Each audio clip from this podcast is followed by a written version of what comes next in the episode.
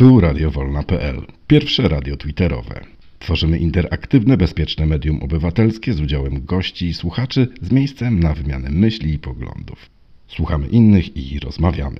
Zapraszamy na żywo do naszych cyklicznych, autorskich audycji w pasmach tematycznych i edukacyjnych. Znajdziecie nas w przestrzeni Twittera na profilu radiowolna.pl. Nasze podcasty publikujemy na kanale YouTube, Facebooku, a także innych platformach podcastowych.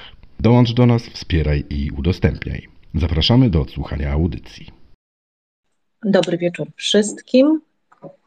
E, witamy w radiowolna.pl w kolejnym cyklu nasze rozmowy Ani.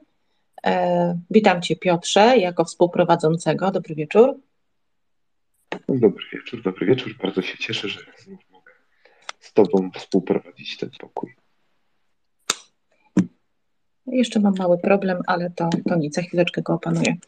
E, dobry wieczór, mamy dzisiaj 9 dzień lutego, minęła godzina 21, zaczynamy spotkanie, e, kolejny, e, jakby kontynuacja poprzednich naszych rozmów dotyczących manipulacji, wywierania wpływu. Tym razem będzie to manipulacja dotycząca bliskich relacji, związków. Będziemy rozmawiali o różnych aspektach tej manipulacji, jak jak to może wyglądać na poziomie indywidualnym, e, jakie temu towarzyszą e, różne odczucia, e, jak to wpływa na nasze funkcjonowanie, na nasze zachowanie. No i myślę, że też jednym z takich ważnych aspektów będzie to, w jaki sposób się przed tym bronić. Czy chciałbyś coś, Piotrze, dodać od siebie? Myślę, że nie. Jeżeli ktoś był na naszych poprzednich spotkaniach, które pewnie są do odsłuchania i można bardzo łatwo je znaleźć, jeśli nie, to proszę o taką informację, to Anna z pewnością pomoże znaleźć nasze poprzednie audycje.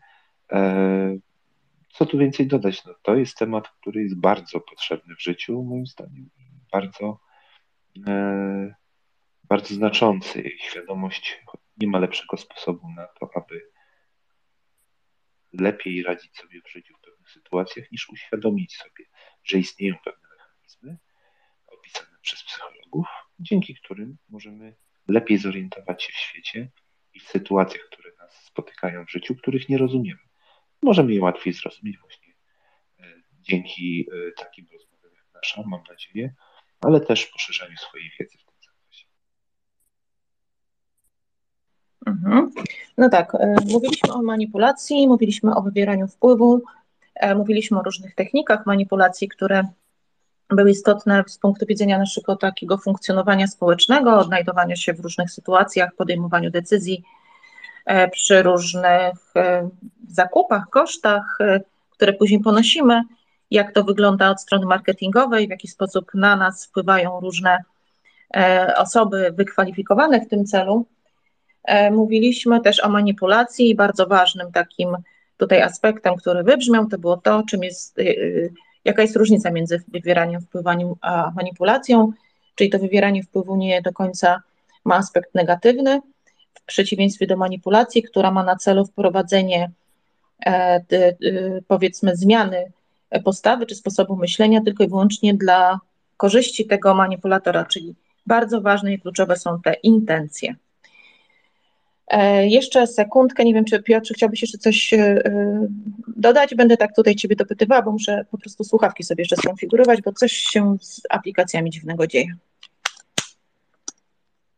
No, przypomniałaś najważniejsze kwestie, czyli przede wszystkim to, żeby nie dać się zwariować, bo bardzo często spotykam się z sytuacjami, w których rozmawiając o pewnych e, mechanizmach wywierania wpływu, zawsze należy jakby przyporządkować to, co się dzieje, y, czy, czy teorię przyporządkować do sytuacji i dopiero wyciągać z niej wnioski. Bardzo często no, w takich rozmowach, podczas takich rozmów ludzie sobie myślą, że o Boże, byłem manipulowany, co niekoniecznie musi mieć odzwierciedlenie, dlatego staram się zawsze sprowadzać też na ziemię e, w takich rozmowach, że nie zawsze wywieranie wpływu jest manipulacją, to jest raz, a niektóre kwestie w komunikacji pomiędzy ludźmi są zupełnie naturalne. E, żeby też nie, nie demonizować pewnych rzeczy, bo my tak naprawdę wszyscy na siebie wywieramy wpływ, wszyscy na siebie wpływamy w jakiś sposób i niekoniecznie trzeba to nazywać manipulacją. Też istnieje w obiegu takie sformułowanie manipulacja, które się przyjęło i dotyczy właśnie wywierania wpływu, że sytuacje, w których ktoś jakby próbuje przekonać drugą osobę za pomocą różnych e, mechanizmów do, do zmiany zdania i robi to w dobrej intencji, jest nazywane po prostu manipulacją. A przypomnę, że e, jest taka e, teoria wpływu społecznego, dynamiczna, która mówi, że oprócz tego, że my wywieramy wpływ na innych, to też, znaczy oprócz tego, że inni wywierają wpływ na nas, to my także jesteśmy nieodłącznym elementem e, takiego kontekstu społecznego i, punktem odniesienia dla innych, w związku z czym ta energia, która jest przesyłana, ona działa w dwie strony, czyli my wywieramy wpływ na innych, inni na nas i to jest właśnie, e, ma charakter dynamiczny. O tym, o, o tym nie należy nigdy zapominać.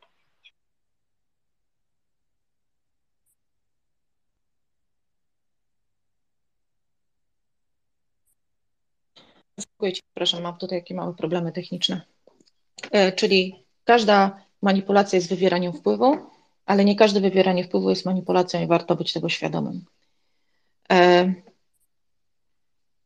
na poprzednim e, rozmow- w poprzednich naszych rozmowach zahaczyliśmy pod koniec o właśnie taką manipulację na poziomie bardziej takim mm, personalnym, czyli odnoszącym się do naszych bliskich relacji, e, do związków romantycznych, e, tak się określa to w psychologii, bo te bliskie relacje to są również relacje przyjacielskie, mogą to być relacje między rodzicami i dziećmi, między rodzeństwem, między przyjaciółmi, to są te bliskie relacje, natomiast ten bliski związek taki romantyczny odnosi się już do takiego e, całego spektrum relacji mm, intymnej, zaangażowania, E, czyli takiego związku partnerskiego. I podjęliśmy decyzję, że, że dobrze by było o tym poruszyć ten temat, bo jest no, duże zainteresowanie. Jest też potrzeba rozmawiania o tym, jak tutaj zauważyliśmy, ale też mamy nadzieję, że ponieważ zostaliśmy do tego poniekąd E, wywołani, to e, liczymy również na Waszą aktywność, na zabieranie głosu, na dzielenie swoje, swoimi e, spostrzeżeniami, przemyśleniami albo no, również pytaniami. Manipulacja w związku to temat jest niełatwy, dotyczy takiego najbardziej osobistego, osobistej przestrzeni naszego życia, ponieważ postrzeganie wzajemnych relacji, szczególnie właśnie tych partnerskich, wtedy, kiedy mm, jest ono bardzo zniekształcone, dotyczy takiego bardzo y, intymnego, osobistego naszego świata, y, dotyczy emocji i są to zazwyczaj trudne doświadczenia życiowe i związane z takim no, kluczowym jakby funkcjonowaniem, biorąc pod uwagę to, że poczucie bezpieczeństwa, które wiąże się z relacją bliską, jest jednym z czynników dobrej jakości życia i szczęśliwości. E, no cóż, e, aby tak rzucić trochę światła na takie praktyczne aspekty, e, jak, czym może być ta manipulacja, jak ona wygląda, w jaki sposób sobie radzić. Mam nadzieję, że tutaj w tej chwili kilka pytań sobie postawimy i pozwolimy sobie dalej przez to przejść. I w pierwszej kolejności, co prawda, mówiliśmy już o manipulacji ogólnie, czym jest manipulacja, czym jest wybieranie wpływu, Natomiast e, chciałabym powiedzieć, że manipulacja w bliskich relacjach, w związku zazwyczaj e, jest e, to manipulacja psychologiczna, która nie zawsze jest widoczna. Jest takim, mm, takim sztuką wchodzenia w różne niuanse.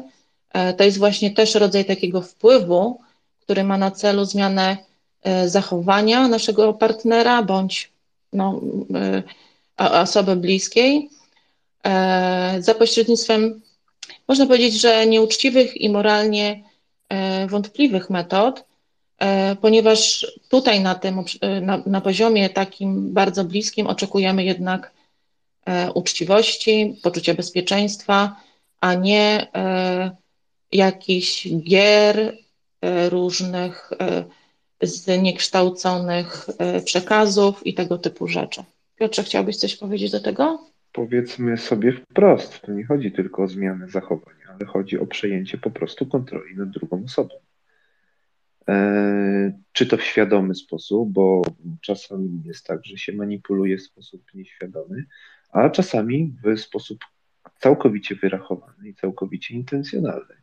I tutaj, jeśli mówimy o toksycznych związkach, toksycznych relacjach, to zawsze trzeba mieć na względzie to, że tutaj jedna osoba chce dla pewnych celów zyskać, zwyczajnie zyskać przewagę nad drugą osobą, poddać tą osobę y, kontroli. Z różnych względów, może będzie, będzie do tego przestrzeń, to później o tym powiemy. Natomiast warto zaznaczyć, że tutaj chodzi o po prostu dominację w związku, przejęcie psychologicznej kontroli nad drugą osobą. E, tak, e, to też z punktu widzenia psychologicznego, to też ma taki aspekt e, dotyczący władzy. Czyli nie wiem, czy pamiętacie osoby, które były na poprzednich naszych spotkaniach. Pamiętam, jak Janusz odniósł się do takiego właśnie, tak dotknął tego obszaru, gdzie w zasadzie każda, każda taka manipulacja ma za zadanie jakby spowodować kontrolowanie całej sytuacji, a kontrolowanie sytuacji jest absolutnie związane z władzą. E, I tutaj możemy mówić na poziomie związków partnerskich też z władzą. E, I pewnie tutaj mm, tak, musimy za, e, teraz dotknąć takiej władzy, takiego aspektu jak władza w poczuciu finansowym, w poczuciu fizycznym i psychicznym. Stąd E, mamy takie pojęcie jak przemoc e, właśnie psychiczna, fizyczna, ekonomiczna, czyli każda ta manipulacja jest takim aspektem dotyczącym władzy, czyli poczucie kontroli e, nad inną osobą, nad całą sytuacją, nad całym systemem partnerskim bądź rodzinnym. Tak, i wiąże się to moim zdaniem głównie powodem tego jest to, że jedna osoba prostu ma problemy z, ze sobą. Bardzo często są to problemy natury, natury psychicznej. Jest to chociażby y, osobowość narcystyczna, albo jest to zaburzenie poczucia własnej wartości przez to, że zyskujemy dominację władzy nad drugą osobą. E, jakby zaspokajany jest ta, ta, ta, ten deficyt, który mamy poczucia własnej wartości, czyli, czyli dominując drugą, drugą osobę, psychicznie, czy właśnie fizycznie, czy w sposób e, ekonomiczny, czuje się taką, takie, tak, tak zastępczo czuje się satysfakcję i jakby, jakby podnosi się to poczucie własnej wartości. Jest to oczywiście złudne, e, z jednej strony właśnie złudne, z drugiej strony jest to, mm, dzieje się to z krzywdą dla drugiej osoby, bo my, to wszystko tak naprawdę dzieje się kosztem, e, jedna osoba zyskuje coś kosztem drugiej osoby tutaj dochodzi do dysproporcji właśnie korzyści z takiej relacji, e, co powoduje, że taka relacja wprost można ją nazwać, że to jest toksyczna relacja. Mm, tak, czyli takim charakterystycznym dla tego rodzaju relacji czy wpływu jest właśnie brak równowagi sił i, taki rezult, i brak takiego rezultatu wymiany, czyli między, między partnerami, między stronami, e, no bo z zasady można powiedzieć, że w momencie, kiedy jest brak równowagi, kiedy występuje brak równowagi, kiedy e, jest ten rezultat e, wymiany dóbr, mówimy o dobrach takich ogólnie wszystkich. Dobrem jest e, również te takie nasze potrzeby wewnętrzne, emocjonalne, związane z uczuciami. Jeżeli nie ma wymiany lub, to, lub, lub nie ma po prostu równowagi, czyli też ja zakładam, że każda relacji, możemy zawsze mówić o relacji, wtedy, kiedy jest równowaga, czyli równowaga wymiany, czyli nie jest to tam powiedzmy taki jeden do jednego, że zawsze muszę coś e, e, dać e, i później za chwilę coś otrzymać. Oczywiście jest to bardziej elastyczne, rozciągnięte w czasie, e, szersze pojęcie, natomiast ten, e, ta równowaga musi być zachowana, bo w momencie, kiedy nie ma równowagi, no to już nie mówimy o relacji w ogóle, tak, co do zasady. I mhm, proszę. Znaczy, bo widzę, że druh podniósł rękę, także doszliśmy tutaj do, jakby do, pierwszej, do pierwszego, moim zdaniem, do takiej pierwszej właśnie kluczowej rzeczy, czyli tego, że związek, zdrowa, zdrowy związek, zdrowa relacja musi się opierać na, na równowadze. Oczywiście to nie jest równowaga, tak jak powiedziałaś, że 50 na 50, tak, że a tutaj jeden procencik ktoś ma przewagę, to tu już możemy mówić o, o jakiejś e, toksyczności. Absolutnie nie. To jest względna równowaga, gdzie mniej więcej każdy otrzymuje e, z, z danej relacji e, profitów tyle, ile wnosi do niej, do niej energii czy, czy, czy różnego, różnego rodzaju poświęceń. I tutaj dochodzimy właśnie do takiej pierwszej konkluzji. Czyli co? Oddam, oddajmy głos publiczności. Druhu. Tak, zapraszamy. Bardzo proszę. Dobry wieczór, Druchu. Witamy Cię. Chyba dalej jesteś w Ekwadorze, tak? Nie, jestem w Wenezueli już. Mam tutaj taki luksus, że chcę jak najszybciej stąd uciec. Ale na w temacie chciałem, bo to wywieranie presji na drugą osobę, czy deprecjonowanie jej ewentualnych zasług w związku doprowadzi do tego bardzo często, że ta druga osoba się odwróci i odejdzie. Tak było w moim przypadku. Zależy na jaką osobowość się trafi. Ja nie lubię awantur, żadnych nic takich rzeczy. Pomału wycofałem się i poszedłem, jak to się mówi, na z góry upatrzone pozycje. Skończyło się to rozmowem, rozwodem. Rozwód był bardzo fajny. Po rozwodzie poszliśmy jeszcze sobie na dancing z koleżanką żony ex. Także zakończyło się nie jakąś masakrą, ale po prostu zakończyło się tym, że że miałem w pewnym momencie już dosyć tego, że mamy coś tam dzięki moim rodzicom, a czasy były takie, że miałem, jak wiadomo z moim wieku, miałem akurat dojścia różne, także może to, co było potrzeba, do domu pralka, lodówka zawsze trafiało. Ale mimo to było, a moi rodzice. I tak się skończyło, choć w tej chwili mamy, w tej chwili mamy dużo lepsze relacje, pewnie dlatego, że na odległość. A w Wenezueli jest tragedia zwiewam stąd, bo dwa lata temu tu jeszcze było trochę wolności ekonomicznej, nie było wolności słowa, a teraz już żadnej wolności tutaj nie ma, bo jak się ma kartę bankomatową, to można raz dziennie wybrać jedynie równowartość dwóch dolarów, żeby ludzie nie kupowali e, po prostu tego, co rząd by, o czym rząd by nie wiedział. A jak kupują na kartę, bo można za kartę kupić co się chce, to rząd wszystko wie, ale nie to jest tematem dzisiejszej rozmowy. To dziękuję. A dziękuję Ci bardzo, że tak, tak, tak, proszę Piotr, proszę. Pod kątem ruchu, pod kątem właśnie władzy i kontroli, e, to, to wpasowuje się idealnie w nasz temat, bo relacja e, państwo-obywatel też jest pewnego rodzaju relacją. Lubię i brakiem. No, absolutnie tak. Lubię i brakiem. Lub jej brakiem, ale bardziej myślę o relacji takiej toksycznej. Ale pocieszę Cię, druhu, bo jeżeli faktycznie była sytuacja, w której powiedzmy nie było porozumienia e, pomiędzy dwojgiem ludzi, doszło do rozwodu i doszło do tego w sposób taki spokojny, naturalny, to myślę, że to, tam nie, nie było żadnej toksyczności. Bo o toksyczności to mówimy w momencie, kiedy jakby nie ma e, jakby racjonalnych podstaw do istnienia takiego związku, kiedy dwie osoby jakby się nie dogadują, jedna osoba jest agresywna w stosunku do drugiej, a związek mimo wszystko trwa. E, to ja zawsze, zawsze pytam, czy każdego, jak rozmawiamy na takie tematy, nie żeby mówił o sobie, bo o sobie jest ciężko w takich sytuacjach mówić, bo przyznanie się do tego, że kiedyś było się w takiej relacji, czy, czy miało się, jest bardzo trudne nie mówię, że niemożliwe, ale bardzo trudne, więc ja zawsze pytam, czy mieliście taką sytuację, gdzie macie przyjaciela, przyjaciółkę kogoś, kto widzicie, że jest w takiej toksycznej relacji, ale nie rozumiecie, dlaczego on w niej jest. I to jest jakby najlepsza, moim zdaniem, kwintesencja tego, na czym polega toksyczny związek, że z zewnątrz ludzie widzą, słuchaj, co ty, co ty z nią jeszcze robisz, co ty z nim jeszcze robisz, dlaczego wy jesteście razem, przecież ja tego kompletnie nie rozumiem. Tutaj kluczem do tego jest właśnie zrozumienie mechanizmów, które rządzą się, tych toksycznych mechanizmów właśnie zdobycia władzy, zdobycia kontroli nad drugą osobą, o której, której być może za chwilę sobie powiemy. Druhu, jeszcze chciałeś coś dodać, proszę.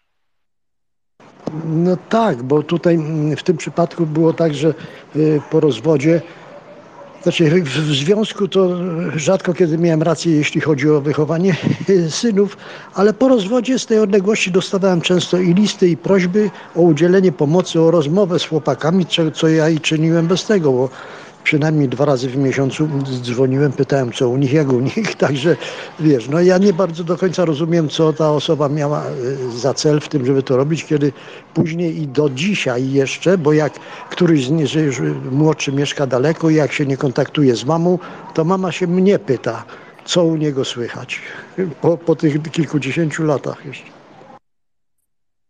Y, no tak, bo to też ważne jest, żeby mieć świadomość tego, kiedy e, jest e, związek, który jest niekompletny albo e, który jest pusty z różnych względów i ludzie podejmują decyzję o rozejściu się, dlatego że dochodzą do wniosku, że taka, tak, takie wyjście z sytuacji, z, z tego związku jest po prostu najlepszą decyzją dla wszystkich. I też właśnie ważne jest to istotne, co tutaj Piotr powiedział, że e, czym innym jest brak świadomości, e, tkwienie w toksycznym związku e, albo tkwienie w tak zwanym związku przemocowym i nie do końca zdawanie sobie sprawy przy takim braku świadomości, z czym to się wiąże, dlaczego tak się dzieje i pozostają tylko jakieś pytania bądź oczekiwania, że sytuacja sama się zmieni no zazwyczaj sama się nie zmieni. Atomówka bardzo proszę, zapraszam Cię do głosu. Cieszę się, że jesteś tutaj z nami. Bardzo, dobry wieczór. Jedną z takich technik manipulacji mm, w związkach nie tylko partnerskich, ale też y, rodzicielskich albo mm, y, pomiędzy rodzeństwami jest taka technika, która się nazywa gaslighting. Nazwa się kuła tam z y, chyba bodajże sztuki teatralnej albo filmu z lat 40. Polega na tym, że jedna osoba depresjonuje drugą osobę podważając jej pewność, wiedzę, y, znajomość faktów, zaprzecza tym faktom mm, i tak naprawdę doprowadza człowieka w ostateczności na skraj szaleństwa, bo ta osoba już w zasadzie nie wie, co mówiła, czego nie mówiła. W tej chwili jakby jest trochę łatwiej, bo można pewne rzeczy zweryfikować bardzo szybko. W tamtych latach raczej nie można było tego robić. I tak jak powiedzmy, wyobrażam sobie, że w związku partnerskim to jest kwestia manipul takiej manipulacji właśnie. Y, przede wszystkim ona jest przypisywana psychopatom i narcyzom, więc powiedzmy w związku to jest kwestia dominacji, absolutnej dominacji nad drugą osobą. Tak powiedzmy, nie wiem, pomiędzy rodzeństwem to najczęściej to jest po prostu taka małpia złośliwość i jakby absolutnie nieznajomość tego, y, jakie, jakie skutki się z tym wiążą. Na przykład wtedy starsze rodzeństwo jakby podważa i dewaluuje mm, wiedzę młodszego rodzeństwa, a ewentualnie u rodziców, między rodzicami a dziećmi. Nie bardzo wiem też jakby po co, może też po to właśnie, żeby zapanować nad tymi dziećmi, ale jest to bardzo bezczelna i wredna technika manipulacyjna, ale niestety ona się bardzo często również zdarza. No to tutaj Atomówka powinniśmy Ciebie zaprosić do współprowadzenia, dlatego że tutaj Piotr jest e, przygotowany na to, żeby właśnie też e, powiedzieć o gaslightingu, o takiej naprawdę najbardziej okrutnej, najbardziej takiej wyrachowanej, wyrafinowanej formie przemocy oczywiście, e, to jest, to może się tak dziać na, na wielu poziomach. Tylko nie wiem, czy teraz już mówimy o tym, Piotrze, czy jeszcze chciałbyś mm, poruszyć. Ja bym chciała jeszcze odnieść się tylko, przepraszam, e, bo przyszło mi w tej chwili do głowy. Chciałabym się tylko odnieść jeszcze do jednej kwestii, która wcześniej już wybrzmiała. Dzięki Atomówka, że tutaj o tym powiedziałaś i mam nadzieję, że jeszcze będziesz tutaj na, z nami ten, ten temat tutaj kontynuowała. Także zapraszamy Ciebie bardzo. Jeszcze jedna kwestia bardzo istotna, E, to jest właśnie ta e, relacja toksyczna, która w zasadzie opiera się na tym, że strona e, ta, która jest, jakby przyczynia się do, do tego związku toksycznego, jest, ta, ta, ta relacja jest oparta na braku empatii tak naprawdę. I najczęściej te związki toksyczne, tak mówimy o związkach toksycznych, o relacjach toksycznych, a nie o toksycznych osobach, to tutaj też bym chciała tu nacisk na to położyć ponieważ osoba, która słyszy o sobie, że jest toksyczna, to jakby to zamyka, etykietyzuje ją i zamyka jakby już furtkę do tego, że już to się nie zmieni. Natomiast jeżeli jest to zachowanie, e, no to zawsze jest to jakaś e, e, szansa na to, że, że, że przyjdzie refleksja. Natomiast jest jeszcze jeden aspekt, że najczęściej związki toksyczne to są związki z osobami o osobowości schizoidalnej i narcystycznej. Obie te osobowości są znane za osobowości zaburzone, czyli diagnozowane na poziomie psychiatrycznym, czyli ta osobowość schizoidalna to jest taka, która jest wycofana, jest dystansowana wobec wszystkich, pomimo takiej wewnętrznej emocjonalności, cechuje się bardzo dużą kreatywnością, ale tak naprawdę nie, nie, nie współodczuwa, nie, nie jest ta, ta, ta empatia do drugiej osoby, czyli to współodczuwanie w zasadzie nie występuje. No i oczywiście osobowość narcystyczna, tak samo jest to zaburzenie osobowości. Wiadomo, tak, narcyz za, zatopił się sam we własnym wizerunku, przeświadczony o własnej wspaniałości. To są takie dwie najczęściej, dwa najczęściej spotykane czynniki dotyczące relacji toksycznych, a to jakie to ma skutki, no to właśnie wynika z postępowania, z postawy tych osób. To tutaj chciałam to jeszcze powiedzieć Mógłbym i chyba oddam Ci krótko głos. zabrać głos? Cezary, oczywiście jak najbardziej, natomiast e, zanim zabierzesz głos, to bardzo proszę o podniesienie ręki, ponieważ widzę, że tutaj Marcin też chciał coś powiedzieć, także e, mam na względzie, więc jak Marcin zabierze głos, to później oddamy go Tobie. Marcin, bardzo proszę. Dziękuję ślicznie. Dobry wieczór wszystkim. A, a jeśli mówimy o związku, to zapewne a, można by już powiedzieć a, o małżeństwie. Jeśli małżeństwo, to na pewno e, e, dzieci. O, te to mają do perfekcji opanowane metody e, manipulacji. I, I zawsze e, chyba przeważnie, jeżeli na przykład mąż się nie zgodzi, e, bo coś tam ma do zrobienia i do zaplanowania, to dzieci tak rozłożą tatusia, że e, mamusia akurat zdoła swój cel osiągnąć. A ja powiem osobiście, że czasami źle się czuję, że nie daje się zmanipulować dzieciom. Więc na to też chciałbym zwrócić uwagę. Dziękuję ślicznie. Dziękuję Marcinie. No jasne, no. dzieci to, to też pokazuje, że jakby stan samoświadomości, czy nawet w ogóle samej świadomości, bo często nawet małe dzieci e, manipulują nami dorosłymi, które jeszcze nie mają w pełni wykształconej świadomości, też manipulują. Dzieje się to też na poziomie właśnie, robią to też zwierzęta, wywierając na siebie wpływ i tak dalej, ale tutaj nie będziemy wchodzić w te, w te tematy, przynajmniej na razie. Cezar chciał zabrać głos, bardzo proszę. Dziękuję. Ja tylko bardzo krótko, bo generalnie mm, chciałbym nawiązać do wypowiedzi przedmówczyni yy, Anny właśnie. Mm, jedno, co mi się nie podobało właśnie w wypowiedzi, chociaż była obszerna i dużo dała do myślenia, stąd chciałem się odnieść, to jest to, że tam w związku generalnie według mnie nie zawsze musi być tak, i to nie jest y, tak, jak to zostało przedstawione, że tutaj osoby, jeżeli patrzymy z perspektywy osoby y, jednej, nie jako z perspektywy związku ogólnie, że on miał się rozpaść i że ktoś musi mieć jakieś zaburzenia, związek się rozpada, bo się rozpada po prostu. To nie musi być winna jedna osoba. Tutaj może być po prostu bardzo wiele czynników y, tego, że związek się rozpadł. Nie można zawsze obwiniać kogokolwiek, po prostu to nie zagrało. To było jak spółka. Ja w ten sposób patrzę na to. W pewnym momencie to się by już rozsypało, albo mogło się nie rozsypać, albo i tak by się rozsypało, ale tutaj ile, ile jest takich przypadków, tyle jest po prostu różnych y, teorii na to. I tutaj nie da się tak bez przykładu konkretnego, o konkretnym związku, bez streszczenia, byłoby porozmawiać i generalizować tego, bo jest to zbyt skomplikowany temat. Więc yy, to tyle. To tylko tyle chciałem powiedzieć. Dzięki Cezary, bo e- uprze uprzedziłeś to, co miałem powiedzieć właśnie, dodając do tego, co ostatnio Anna powiedziała, że, bo ja jestem tutaj takim, można powiedzieć, twardo stąpającym po ziemi E, człowiekiem i ja zawsze staram się jakby może nie symetryzować, ale też starać się nie demonizować pewnych rzeczy. Jak najbardziej. To, że dany związek nie wyszedł, nie oznacza, że tam były elementy toksyczne. E, a zważywszy na to, że dwie osoby po prostu zdecydowały, że ten związek nie ma dalej sensu, dogadały się w zupełnie racjonalny sposób, pożegnały się ze sobą, to jakby jeszcze dodatkowo świadczy y, y, na to, że to była dojrzała decyzja i ten związek, mimo wszystko, że nie rozpadł, był związkiem dojrzałym. Ja jakby, nie, jakby przyklaskuję temu z, z, ze stanowczością.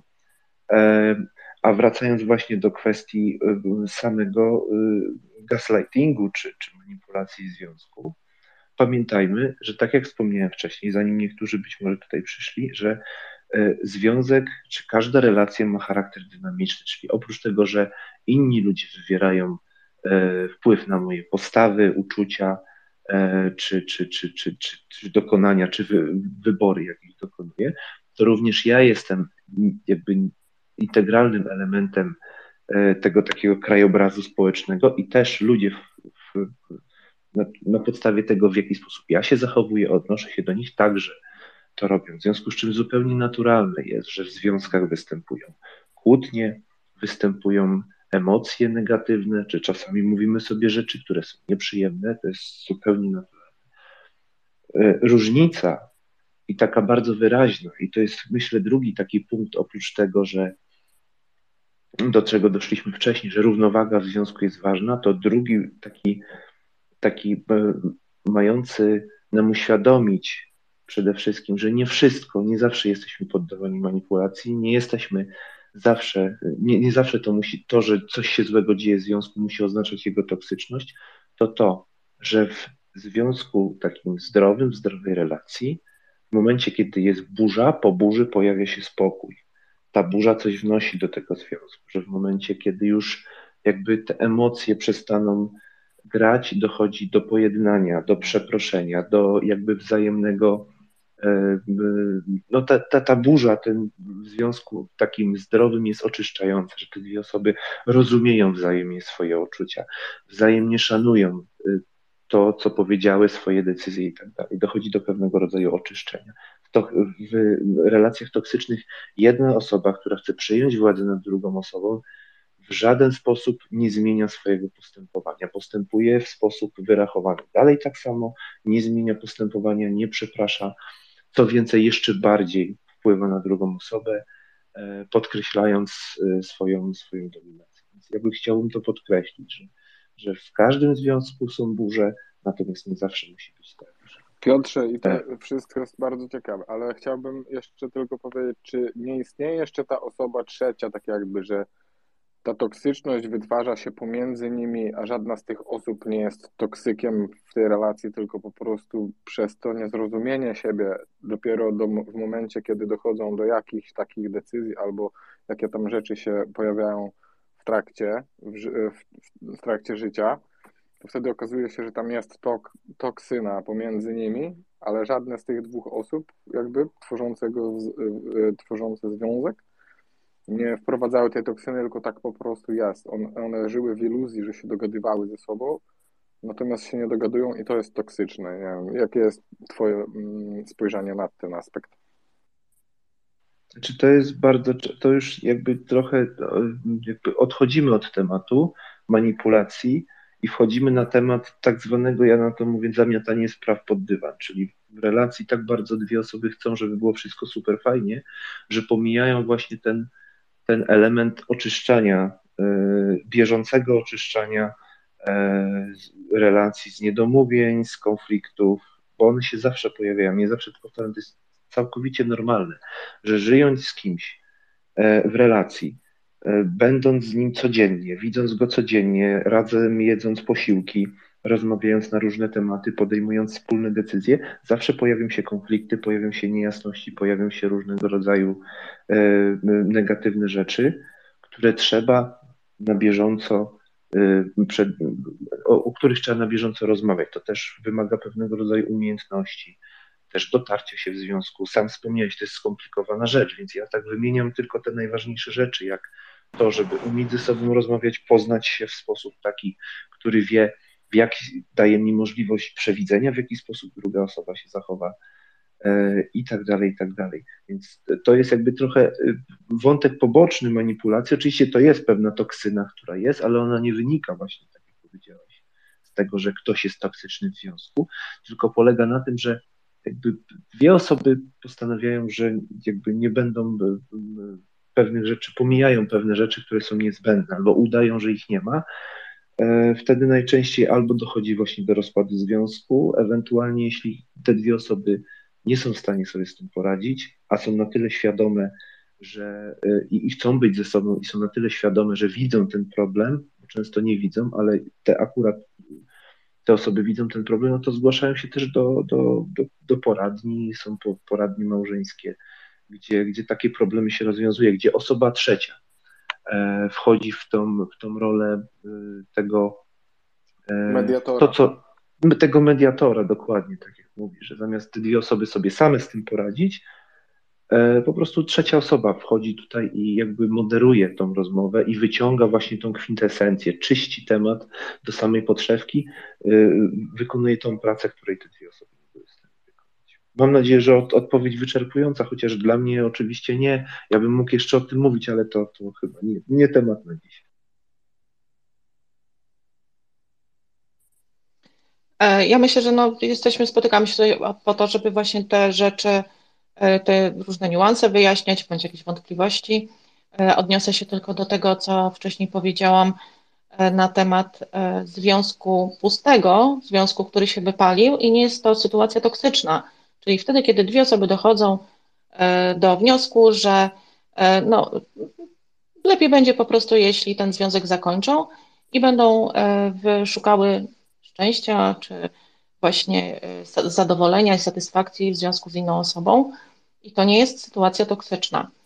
E, dlatego no, nie zgodzę się trochę z tym, co tutaj e, mm, powiedziałeś mi, e, Cezary. E, natomiast drugą kwestią jest e, właśnie relacja z osobami, najczęściej w związkach toksycznych, czyli z osobowościami, o których mówiłam. To tutaj tylko tak dla sprostowania. I jeszcze właśnie to, o czym tutaj rozmawialiście, to jest też właśnie bardzo ważne, że bywa właśnie tak, że osoba, e, która nam czyni jakąś e, szkodę, może właśnie robić to zupełnie nieświadomie.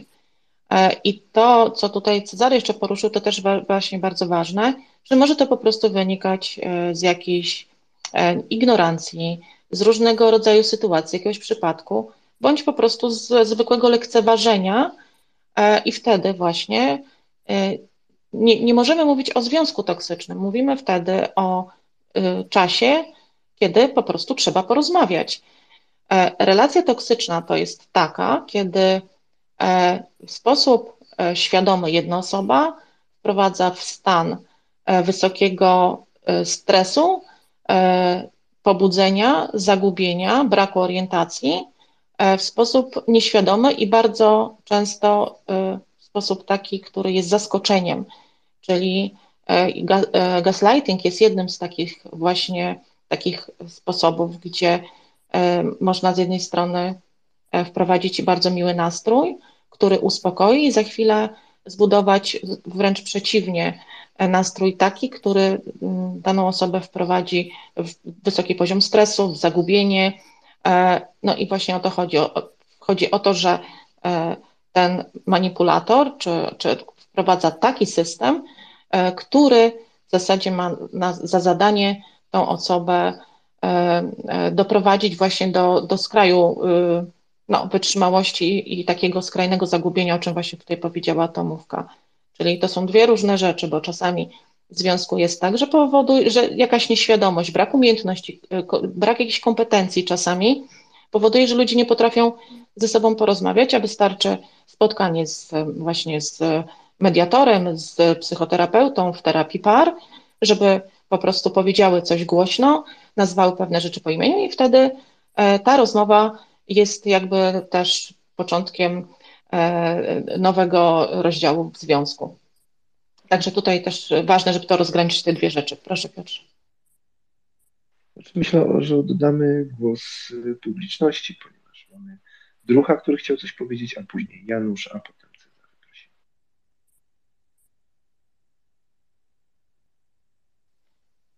Druhu, zapraszamy Ciebie.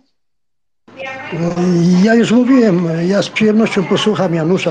Janusz zawsze mówi krótko i na temat i, i mądre rzeczy, to no, jeśli nie ma nic przeciwko temu, to po, posłucham. W takim razie, Januszu, cieszymy się, że Cię słyszymy. Dobry wieczór, zapraszamy. Dobry wieczór. Tu się trochę mam wrażenie, bardzo zaweziła perspektywa, bo ostatnie minuty wypełniły nam tylko i wyłącznie związki zdefiniowane jako toksyczne albo z udziałem osobowości toksycznych. Natomiast tu chciałbym zwrócić uwagę na sytuację, w której nie mamy w związku e, osób o cechach toksycznych i związek ma dosyć dobrą kondycję, ma bardzo uporządkowaną rutynę, a dochodzi do manipulacji z powodu tego, że jedna z osób, to może być mężczyzna albo kobieta, ma bardzo silny wrodzony aparat retoryczny, y, ma silną osobowość i dochodzi do takiej dość często spotykanej manipulacji, tak zwanego na początku nieświadomego, a potem, mm, jak się już to wybuduje w rutynie, utrzymywanego, deprecjonowania y, zawodu wykonywanego przez partnera lub przez partnerkę. To bardzo często spotyka się w zawodach, gdzie na przykład y, partnerka jest nauczycielką, a mężczyzna jest przedsiębiorcą i poprzez ekspresję, poprzez silne, silne umiejętności retoryczne, w tym związku bardzo dużo przestrzeni zajmują sprawy tego przedsiębiorcy, opowieści o tym, jak ta firma funkcjonuje, i wydawać by się mogło, i tak to wygląda z zewnątrz bardzo często, E, że partnerka wykonuje zawód mniej ważny, mniej istotny i dochodzi do takiej e, no, manipulacji, która jest bardzo często spotykana. Podkreślam, nie jest to klasyczny układ, ten, który teraz opisałem, bo bardzo często jest odwrotnie, kiedy na przykład partnerka zajmuje bardzo prestiżowe stanowisko w korporacji, mężczyzna zajmuje, powiedzmy, pracuje w innym zawodzie i poprzez rolę społeczną, jaką wypełnia kobieta, ten dom de facto jest y, w całości i, ten, i ta rutyna jest wypełniona sprawami właśnie osoby, która wy, pracuje na tym wyższym stanowisku i ta druga osoba wtedy jakby ustępuje pola, bo te sprawy zawodowe są mniej ważne, E, I to jest niebezpieczne. To jest taka manipulacja, która potrafi się też wbudować w psychikę. Bardzo często wtedy się słyszy, na przykład w towarzystwie, jak się spotyka takie pary, a ja to tam wiesz, tam sobie w szkółce pracuję, mam taki mały etacik, natomiast, no wiesz, Jarek ostatnio awansował i to jest też taka e, steatralizowana, zromantyzowana historia w którym jest tylko jeden bohater na środku sceny, a partner lub partnerka tak naprawdę staje się widzem do podziwiania. I to tak podkreślam, to niekoniecznie musi być osobowość toksyczna czy narcystyczna, to wynika z pewnych ról, a ponieważ związki bywają bardzo długo, długie, to często dochodzi do zamiany ról i te procesy zamiany wywołują takie mikro, mikrokryzysy, kiedy trzeba na przykład z tej sceny zejść i nagle się okazuje, że teraz e, druga osoba w związku będzie, będzie ważniejsza. No to, to, to jest często spotykane, bardzo często spotykane. Podkreślam, to wynika z cech osobowościowych, z takiej naturalnej ekspresji z kogoś, kto po prostu, tak jak tutaj kilka osób w tym pokoju, łącznie z tym głosem, który teraz leci, ma tak zwane gadane i może po prostu tak steatralizować swoją rolę społeczną, że osoby, które się temu przyglądają, to y, stwierdzą, wow, ale tutaj ta babka albo ten facet musi mieć super pracę. Tylko, że w tym związku jeszcze jest druga osoba i bardzo często właśnie wtedy jest spychana tak trochę w cień. To jest manipulacja, którą widać bardzo często w mediacjach przedkryzysowych i przedrozwodowych. Nie już w środku kryzysu. Jak się rozczytuje całą rutynę codzienności, to wtedy wychodzi, że tak naprawdę w sposób zupełnie niezauważony, i to ostatnie zdanie, nastąpiło właśnie takie steatralizowanie jednej osoby w związku. Na szczęście, i dobra wiadomość na koniec, to się bardzo łatwo rozwiązuje, bo to nie jest jeszcze konflikt. Dzięki.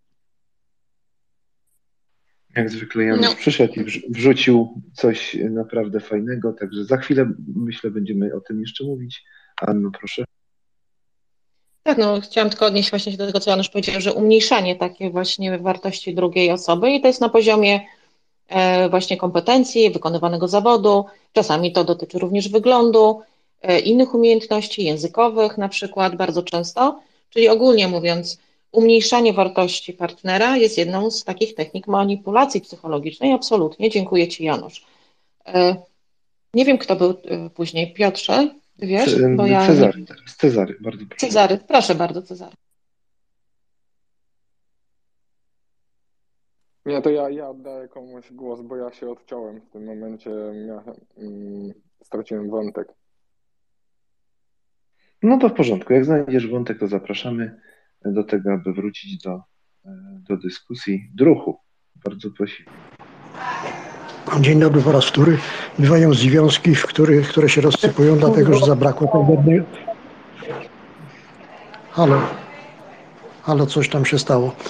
Głośność, którymś mikrofon się chyba włączył. Kurwa, śmierć pedałom i kurwa komunistom.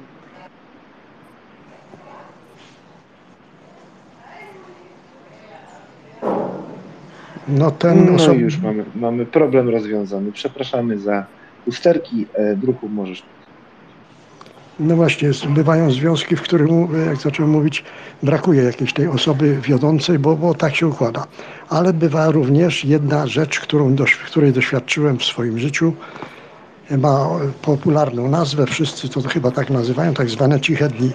Z, teraz z praktyki i z życia wiem, że nie ma nic gorszego. Dlatego zazdrościłem często ludziom, którzy wywoływali różne takie jakieś awantury między sobą, była burza i tak jak już Piotr powiedział, po burzy e, wychodziło słońce i pięknie przyroda rozkwitała. I tak było w tych związkach. Te związki przetrwały, a mój akurat i moi, mi podobnie nie, bo może właśnie tej burzy brakowało. A poza tym jest, nie, już później po latach doszedłem do wniosku, że jednak osoby w związku powinny się wspierać, a nie na sobie wisieć, bo to się dobrze nigdy nie kończy. To tyle.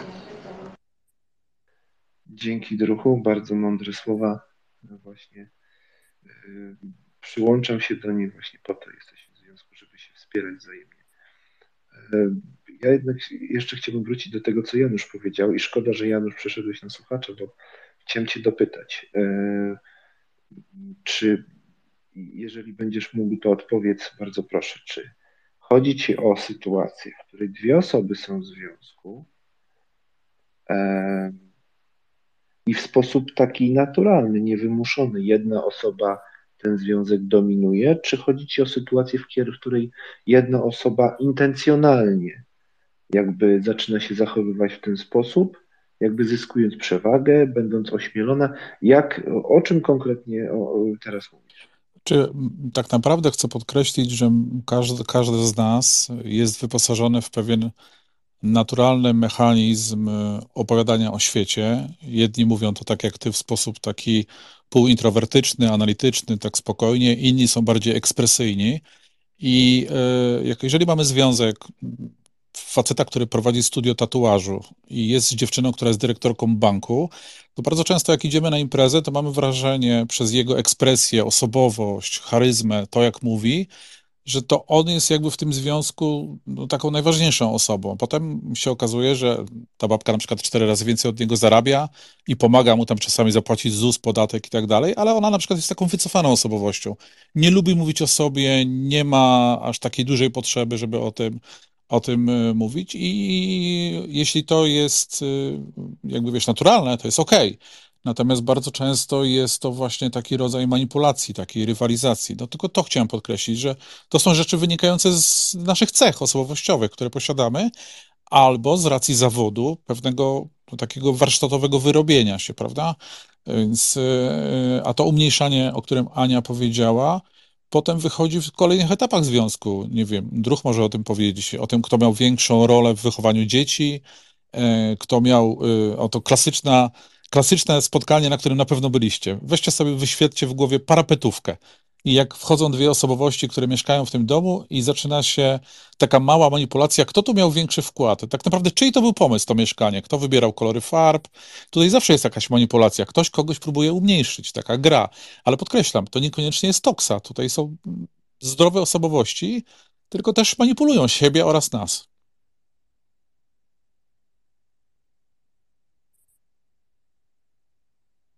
No ja nie wiem w takiej sytuacji, czy mówimy o manipulacji.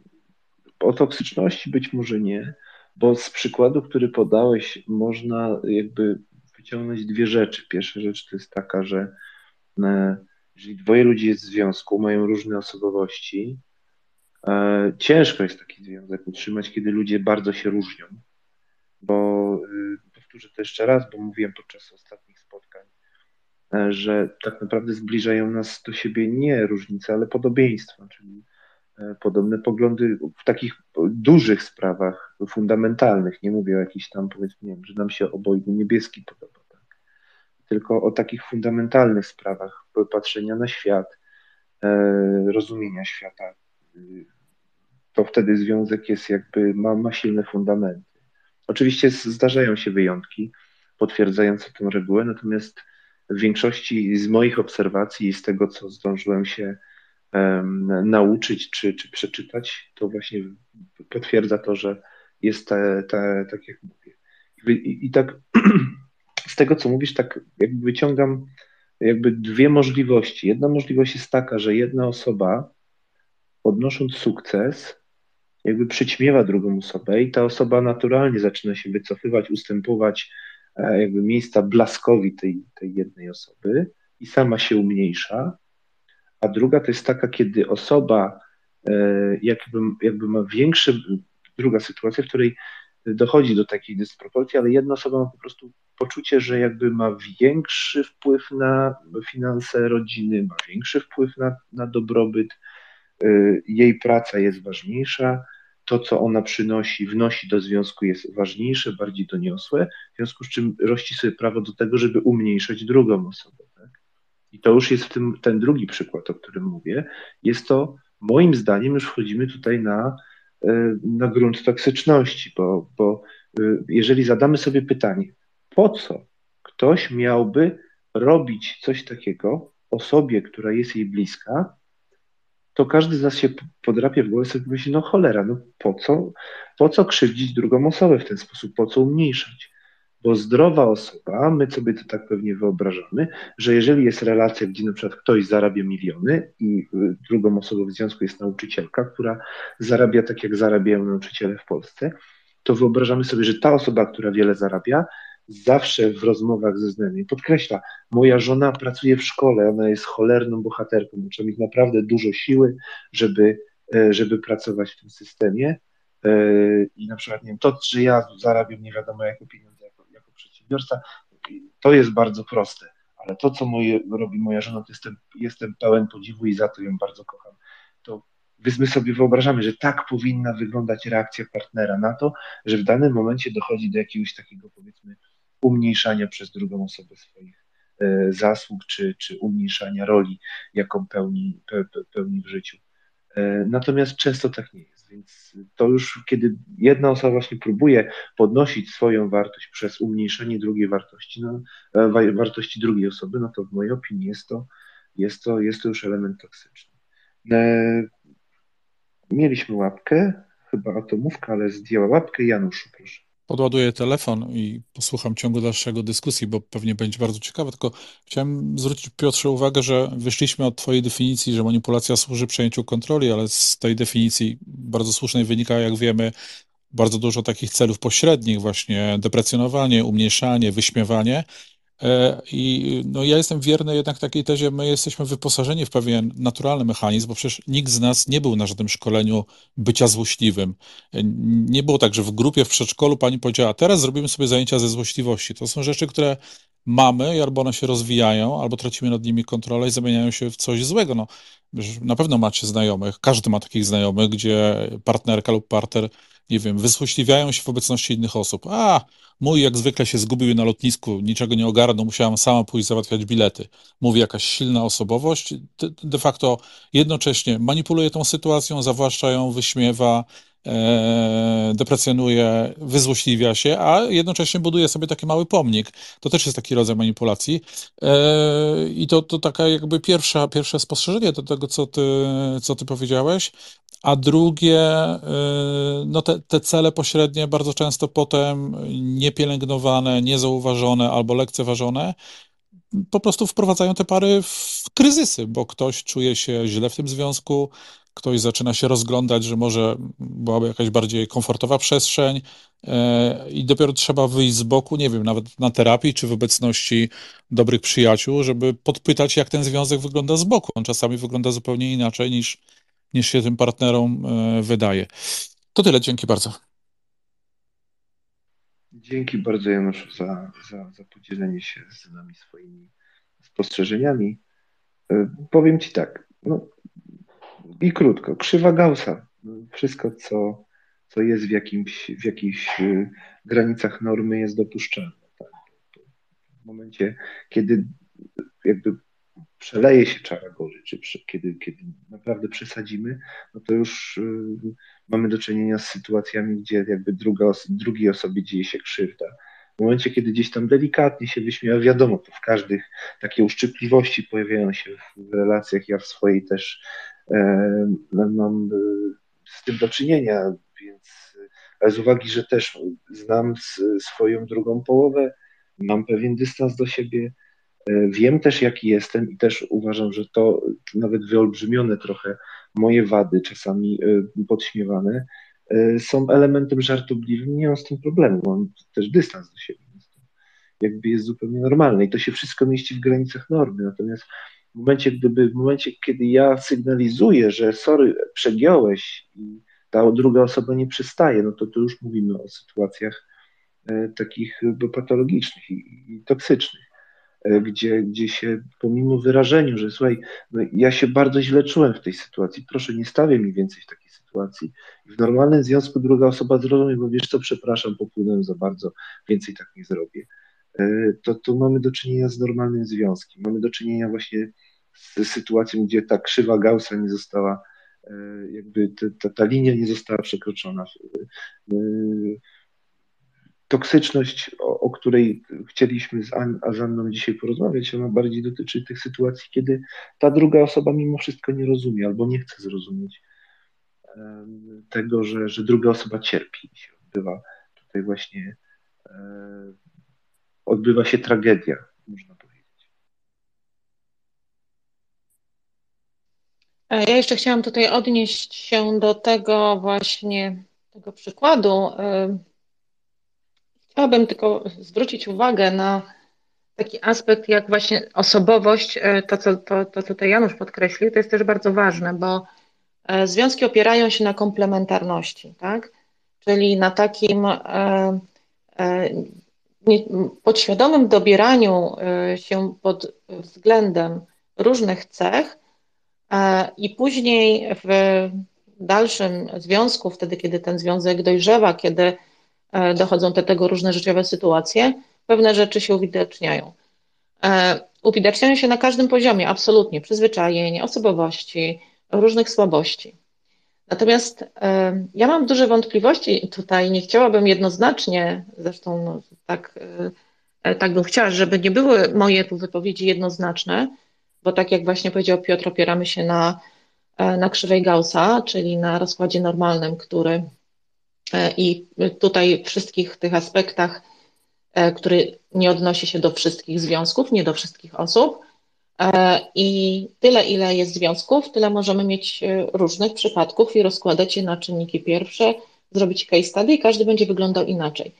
Natomiast ta narcystyczna self, o którym e, tutaj nakreślił Janusz, czyli to jest takie wyolbrzymianie obrazu siebie, ale to jednocześnie z punktu widzenia psychologicznego jest powiązane niestety ze sprowadzaniem innych do niższej pozycji.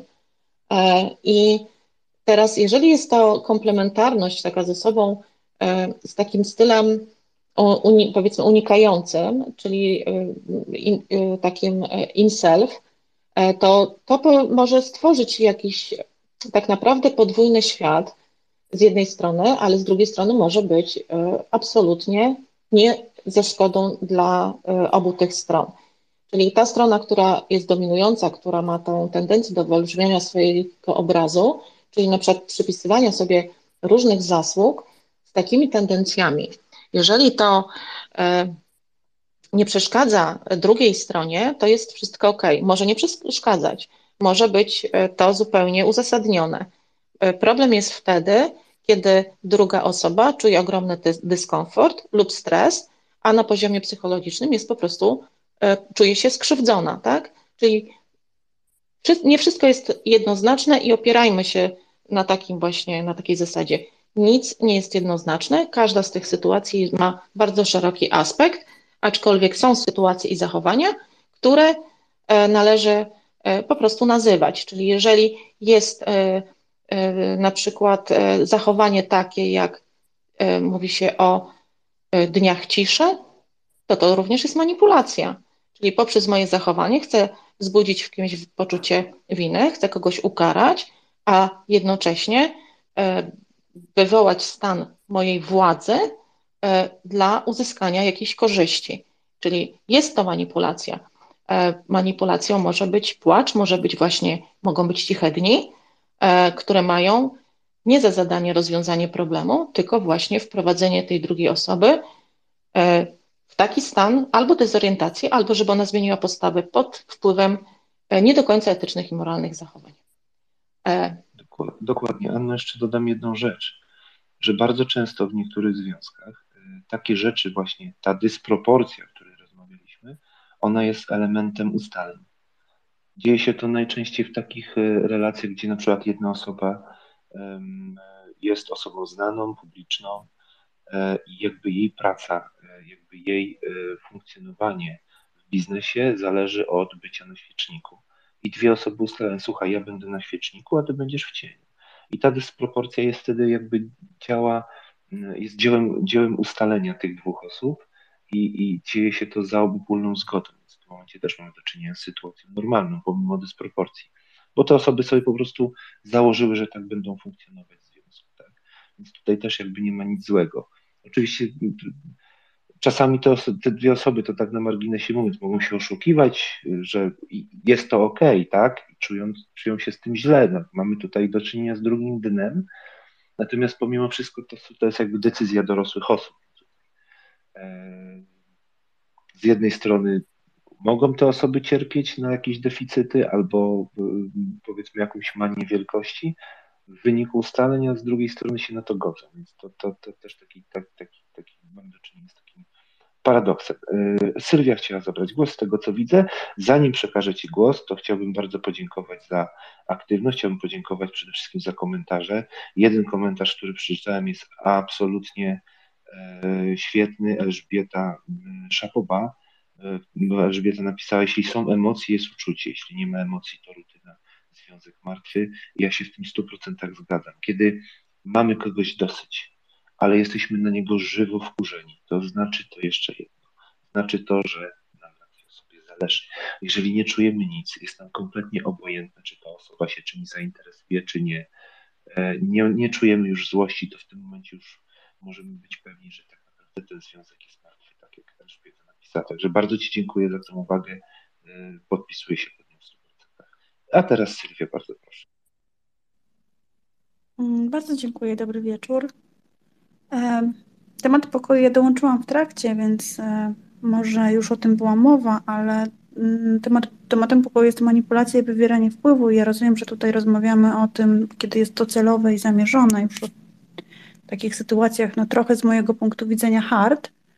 Natomiast yy, ja mam takie wrażenie, że no wtedy, kiedy są dysfunkcje, no to faktycznie yy, to tak wyglądać może, ale ja mam takie wrażenie, że y, ludzie w sposób naturalny y, jakby wywierają na siebie wpływ bardzo często nieświadomie, bo y, czasem jest tak, że przecież jedna i ta sama osoba w jednym środowisku funkcjonuje właśnie w taki sposób, że jest mocno wycofana.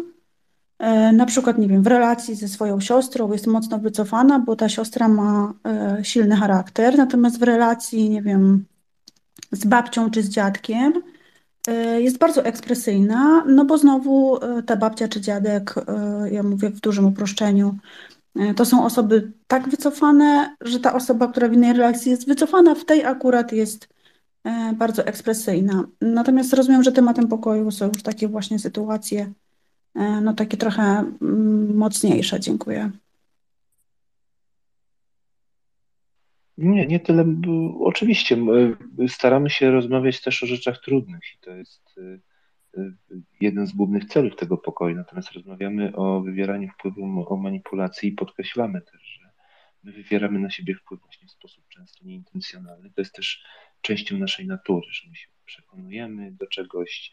E, jesteśmy, tak jak Janusz powiedział, że jakby nikt z nas nie był uczony, jak być złośliwym, więc to też mamy, mamy we krwi i E, i, to jest zupełnie naturalne. Zupełnie naturalne jest, że przyjmujemy bardzo często pozycję e, takiego sędziego, czy pozycję oceniającą, gdzie, gdzie, gdzie tej oceny, jakby przeciwnej zupełnie postawy musimy się uczyć, musimy nabierać tej takiej pokory, tej postawy ucznia. Tego się musimy uczyć i pilnować się, żeby, żeby w sytuacji, kiedy oceniamy drugą osobę, tę postawę w jakiś sposób zmieniać. Więc, więc jak najbardziej zgadzam się z tym, co mówisz, to też jest temat naszego pokoju. Że wywieranie wpływu jest jakby częścią naszego życia. No nie jesteśmy w stanie od tego w żaden sposób uciec, ponieważ żyjemy ze sobą wzajemnie, wchodzimy w różnego rodzaju interakcje codziennie, więc bez, e, bez takiej wiedzy podstawowej, a to też jest naszym, naszym celem, aby szerzyć wiedzę na ten temat i, i świadomość, że coś takiego istnieje. Dzięki temu być może będziemy w stanie się łatwiej poruszać w świecie, który nas otacza. Dzięki Ci bardzo za Twój głos. E, Sylwia wywołała tutaj jeszcze jeden temat, co pokazuje, że to jest bardzo, bardzo szeroki w ogóle aspekt, jeśli chodzi o właśnie relacje, o takie partnerskie, e, mm, różne zdefiniowanie konstelacji i, i układów, mówiąc tak prosto. Natomiast e, Sylwia, to już jest nasz trzeci pokój dotyczący manipulacji i wywierania wpływu. E, jeśli nie miałaś okazji wcześniej e, tutaj być, to, to mieliśmy wcześniej wywieranie wpływu, mieliśmy Cialdiniego, ale ponieważ były pytania dotyczące właśnie również manipulacji w związkach, to dzisiaj już jest kolejny, już kolejna nasza rozmowa.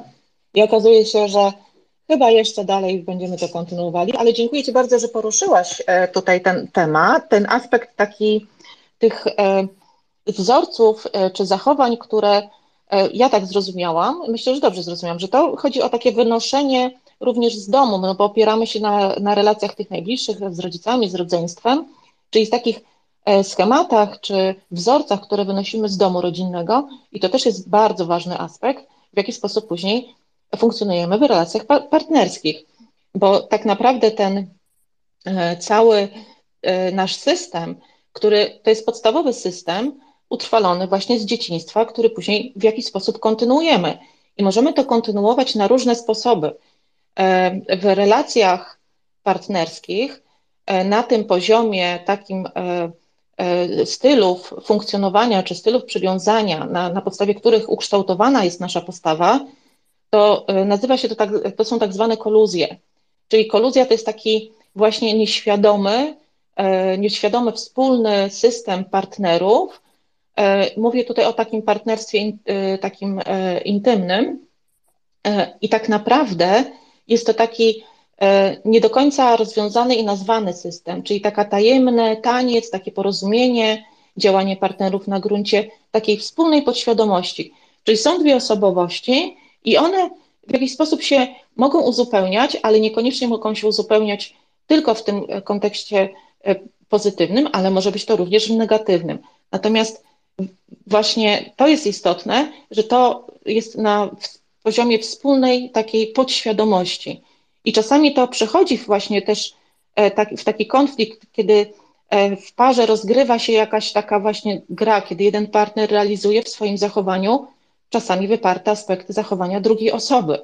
Czasami są to deficyty, czasami są to nieświadome inne e, próby jakby uzupełniania tych własnych deficytów. No, szeroki temat i te wzorce w zasadzie one się pokrywają z takimi wczesnodziecięcymi fazami rozwoju, które mamy przekazane. No, to jest po prostu nasze, to jest nasz bagaż, z którym wchodzimy w dorosłe życie i to też jest bardzo ważny aspekt w relacjach partnerskich. A koluzje są bardzo też szerokim tematem i myślę, że będziemy musieli zrobić kolejne spotkanie na ten temat, E, bo to też jest bardzo, bardzo, bardzo ciekawy e, właśnie temat, a dzisiaj chcielibyśmy na takim poziomie tym relacyjnym e, tutaj porozmawiać i w jaki sposób z tą manipulacją w relacjach sobie radzić. Nie wiem, Piotrze, chciałbyś coś powiedzieć jeszcze? No, Sylwia swoim przykładem właśnie o, o siostrze i o dziadkach, nie wiem, czy zauważałaś, Anno, podała klasyczny przykład przeniesienia E, mechanizmu przeniesienia, czyli jeżeli jakby w relacjach z jedną osobą nie jesteśmy w stanie pewnych rzeczy uzewnętrznić, tak, czy, czy to właśnie ekspresji, czy na przykład, e, czy, czy powiedzmy nie jesteśmy w stanie e, odwzajemnić, nie wiem, na przykład jakiejś agresji z uwagi na przykład na, na, poziom relacji, na przykład y, w pracy, no to przenosimy go na, na, na osoby, y, które nam na to pozwalają. Tak? To, to pokazuje żywo, że to tak naprawdę psychologia wzięła się z życia, a nie życie wzięło się z psychologii. To też chciałem dobitnie powiedzieć, że psychologia jest częścią życia. To nie jest tak, że psycholodzy sobie nagle powiedzieli, że słuchajcie, my wam teraz powiemy, jak macie żyć. Absolutnie nie. Oni po prostu obserwowali ludzi i zaczęli opisywać i, i wyciągać wnioski z tego, jak my funkcjonujemy. Więc to właśnie w tą stronę, że psychologia właśnie wzięła się z życia i, i między innymi też dlatego ją tak lubię. Także Sylwia, bardzo Ci dziękuję za ten przykład, on pokazuje właśnie, że, że, że, że psychologia wzięła się właśnie z życia. E, Janusz, proszę. Tak, gdyby jeszcze była przestrzeń, to może zmierzymy się z rzeczami, które pozornie ustawione w kolejności od najłatwiejszej do najtrudniejszej okazać się mogą zupełnie innej kolejności. No, najpierw taka no, klasyczna manipulacja techniczna w momencie, kiedy jest kryzys w relacji, kryzys w związku, to jest manipulacja posiłkami, mm, mm, wspólnym jedzeniem posiłków, odmowa z jedzenia posiłku, e, nie wiem, przesuwanie terminów wspólnego posiłku. To jest dosyć często spotykane w kryzysach manipulacja, yy, przenoszenie, przenoszenie się do innego pomieszczenia, yy, w ogóle nie uczestniczenie w posiłkach, to jest, to jest bardzo trudne, bo to jeszcze jest takie no, dewastujące pewną rutynę, taką codzienność w rodzinie. Drugim takim rodzajem takiej technicznej manipulacji, no, ona się zdarza poza kryzysami. To jest sposób spędzania wolnego czasu, kiedy jedna z osób w związku ma na tyle, jakby się mogło wydawać, a wcale może tak nie być, pasję angażującą, że cała rodzina musi być tej pasji poddana, więc jeśli silna osobowość w związku jeździ na rowerze, to cała rodzina trochę jest manipulowana albo terroryzowana, jak często się mówi, i też musi tę pasję podzielić, uczestniczyć. I jak się rozmawia właśnie bardzo często z osobą drugą w związku, to, to wiesz, no ja tak za bardzo to ja nie kocham na rowerze, no ale no skoro Maciek lubi, to ja jeżdżę z nim i to też jest takie trochę zmanipulowane. Bardzo rzadko się zdarza, że ta osoba ustępuje i pyta, a to może byśmy coś innego porobili. No i chyba na końcu jest, no, jesteśmy tu w gronie dorosłych, więc nie róbmy tematów tabu. Mamy coś z kategorii chyba rzeczy najtrudniejszych, jeżeli chodzi o manipulację, to jest y, manipulowanie seksem i reglamentowanie seksu w związku, w kryzysach, y, w sytuacjach przedkryzysowych, jest to bardzo trudne, wymaga często wsparcia z zewnątrz, dużej dojrzałości. E, I no, jak patrzymy na statystyki, no to dużo związków może nie pękło od razu, ale gdzieś takie pierwsze rysy pojawiły się właśnie w momencie, kiedy manipulacja wkroczyła do, do sypialni. Dziękuję. E, używanie seksu e, w relacjach partnerskich jest jednym z takich głównych narzędzi, można powiedzieć, e, manipulowania absolutnie. Jest to bardzo bolesne e, dla drugiej strony, e, aczkolwiek również tutaj są to zabiegi bardzo zawalowane bądź w jakiś sposób zabrakło mi w tej chwili słowa, bo myślę o czymś innym, przepraszam. Natomiast właśnie chodzi o to, że, że to jest bardzo skuteczna metoda, E, dlatego że ona e, no, dotyka najbardziej takiej intymnej sfery e, i to, w jaki sposób jest ten seks, można powiedzieć, dozowany, też ma za zadanie spowodowanie, że mm, osoba, która tego dokonuje, ma poczucie władzy, znaczy jakby iluzja poczucia władzy, ponieważ po prostu tym może dozować, czyli może dawać, może zabierać. Tak, seks jest jednym z takich jednych z, głównych e, takich narzędzi stosowanych w związku. Także dziękuję Ci, Janu, że tutaj o tym powiedziałeś. Dokładnie. Tak odno odnosząc to do, do takiego potocznego języka, to jest tak zwane pokazywanie drugiej osobie, gdzie jej miejsce, takie ustawianie drugiej osoby. E, to jak najbardziej to, to, jest, to są zachowania przemocowe, te wszystkie, które wymieniłeś, Janusz, nie tylko reglamentowanie seksu, ale pozostałe dwa to są, to są rzeczy, które w sposób bardzo subtelny, bardzo delikatny wprowadzają właśnie element, nawet można powiedzieć też delikatnego gaslightingu do związku. Ale to za, za, za chwilę o tym powiemy, bo chciałbym, e, nie wiem, czy Anna pozwolisz, trochę uporządkować pewne rzeczy e, i przejść do takiej może bardziej nie tyle praktycznej, ale bardziej użytecznej strony tej dyskusji, czyli do rozpoznawania takich sygnałów sam, samemu w sobie, które są niepokojące, mogą jakby niekoniecznie muszą znaczyć o tym, że jesteśmy manipulowani, ale dają nam do zrozumienia e, nasze odczucia, czy, czy, czy, czy to w jaki sposób e, myślimy o sobie i e, w ogóle o, o otaczającej nas rzeczywistości. Takie sygnały, które dają, mogą dać nam do zrozumienia i wiedząc, że takie sygnały są, możemy reagować w danym momencie na, na niepokojące właśnie rzeczy, które się mogą dziać w naszej relacji. Ale to za chwilę mamy teraz, nie wiem, czy Druh chciałeś zabrać głos, bo podnosiłeś rękę, więc Druh, a później Marcin. Nie, nie, dziękuję. No to dzięki Druhu, Marcinie, proszę. Dziękuję ślicznie za głos. E, e, dziękuję Janusz, podjąłeś temat. E, ja się go bałem wcześniej. Um, tak, to manipulowanie seksem e, można by powiedzieć, że jest pewne, pewną formą e, e, przemocy wobec mężczyzn. Mogą na przykład czuć się zgwałceni brakiem seksu. I, i to nie są żarty, a, bo to jest ta nowa, prze, nowa forma przemocy, o której się w ogóle nie mówi y, głośno, bynajmniej ja tego nie słyszę. I rzeczywiście mężczyźni mogą czuć się urażeni w tej kwestii. Dziękuję ślicznie za głos. Aha, jeszcze przy okazji chciałem powiedzieć, że w zasadzie to manipulacja to jest bardzo fajna kwestia, tak, e, bo, bo, bo e, ja wiem, że te tematem wcześniejszym akurat pokoju były też manipulacja w handlu, e, prawda, i teraz jest między w związku. To, to mi to przypomina na przykład taką sytuację, że wracam z pracy do domu, idę sobie coś kupić, ja czyli sobie do rodziny coś kupić, jakieś zakupy zrobić, jestem ciągle wszędzie manipulowany, przyjeżdżam do domu, też jestem manipulowany. E, przez dzieci na przykład, prawda? E, e, nie wiem, wydaje mi się, że chyba był dzień bez manipulacji to chyba byłby dniem straconym. Dziękuję. Dzięki Marcin. Ja tylko Dokładnie. jeszcze jedno zdanie. Dokładnie. Tak, tak, jeszcze ucieknie mi to jedno zdanie, bo, bo właśnie wymyśliłam się, chciałam je tutaj sobie przywołać. Czyli to jest taka sytuacja, kiedy w związku, no załóżmy mężczyzna jest mężczyzna, a kobieta jest kobietą, i w, I w takim zakresie, e, możemy to powiedzieć, e, nazwać to tak, że w takim zakresie, w jakim kobieta pozwala e, na to mężczyźnie, w takim zakresie on jest mężczyzną. Czyli dotyczy to tej seksualności bardzo ważnej kwestii w naszym życiu i to jest właśnie ten aspekt manipulacyjny, czyli pozwolę, daję ci taką pozornie męskość tylko wtedy, kiedy na to pozwolę. To, to możemy tak nazwać właśnie ten aspekt manipulacji. Dziękuję.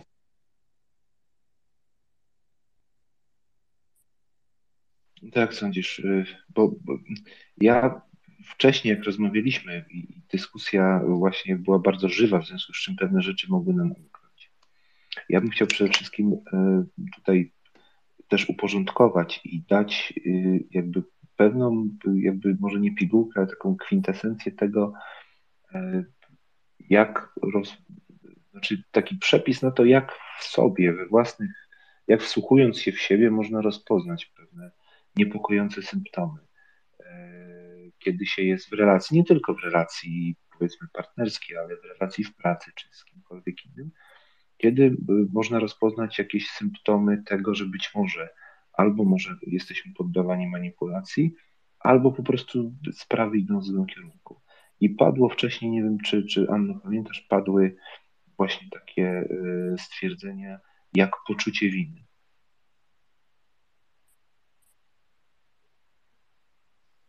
No tak, e, czyli mówimy o takim wzbudzaniu poczucia winy, tak? Że na przykład e, to jest jeden z. Znaczy, wiesz, e, wiesz Piotrze, przepraszam, że mm, tutaj jeszcze zatrzymam się chwilę, zanim przejdziemy w takie właśnie te poszczególne takie, takie zachowania, czy wzbudzanie właśnie różnych uczuć, które powodują dyskomfort, stres i poczucie, zaburzenie poczucia własnej wartości, to jest ten ważny aspekt, że ta druga strona też, e, nie powiedzieliśmy o tym, może to jest dobre miejsce, dobry czas w tej chwili, żeby powiedzieć o tym, że ta druga strona też w tym uczestniczy, tak? Czyli coś jest w tej drugiej stronie, w tej, która jest, e, nazwijmy to, ofiarą, czyli albo może na tej e, niższej pozycji, bo, e, bo to jest tak, że to jest układ dwóch dorosłych osób. I jedna ma swoją określoną pozycję, i druga ma swoją określoną pozycję. I nawet jeżeli ta osoba, która jest w tej, na tej słabszej pozycji, to jednak coś E, ma w sobie i chyba tutaj o tym, tak? E, dobrze Cię zrozumiałam. Chciałaś powiedzieć, że jest coś takiego, e, co powoduje, że zaprasza się do tańca, tak? Tą osobę. To jest takie zaproszenie do takiego tańca, gdzie będziemy w tej chwili uzupełniali właśnie te różne właśnie czy deficyty i będziemy sobie grali wzbudzaniem różnych stanów emocjonalnych, tak?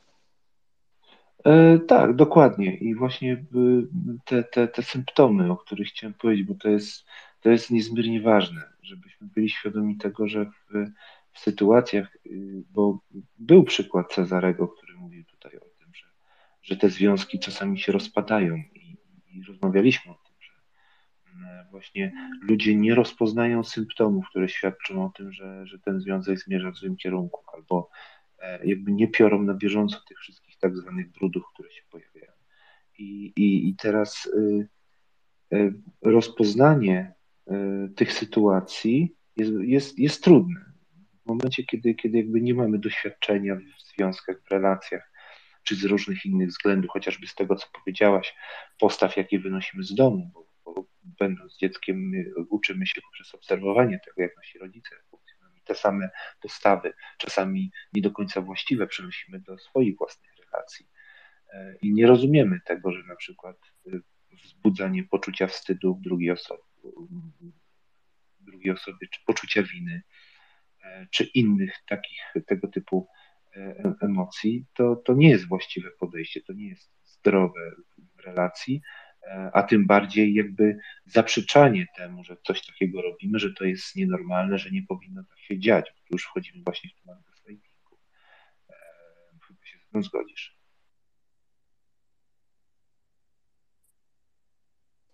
E, no tak, oczywiście. E, tutaj jest bardzo istotne to, żeby dostrzec pewne e, zachowania, przede wszystkim, przepraszam bardzo, przepraszam najmocniej, to są pewne takie właśnie zachowania, ale dotyczące nas, czyli pochylamy się nad sobą, co się dzieje z nami, jakie mamy odczucia, co się z nami dzieje, czy rzeczywiście czujemy dyskomfort, czy czujemy jakieś poczucie zagrożenia, E, czy ten stan jest e, dla nas e, no, krzywdzący, niekorzystny, a dalej postępujące takie właśnie odczucia no, powodują kolejne jakieś szkody dla naszego samego dobrego samopoczucia, dla naszej szczęśliwości, dla jakości życia i dla naszego zdrowia oczywiście, bo tutaj też o tym musimy powiedzieć, że życie w permanentnym poczuciu zagrożenia czy stresie również ma E, później e, powoduje objawy, no chociażby psychosomatyczne.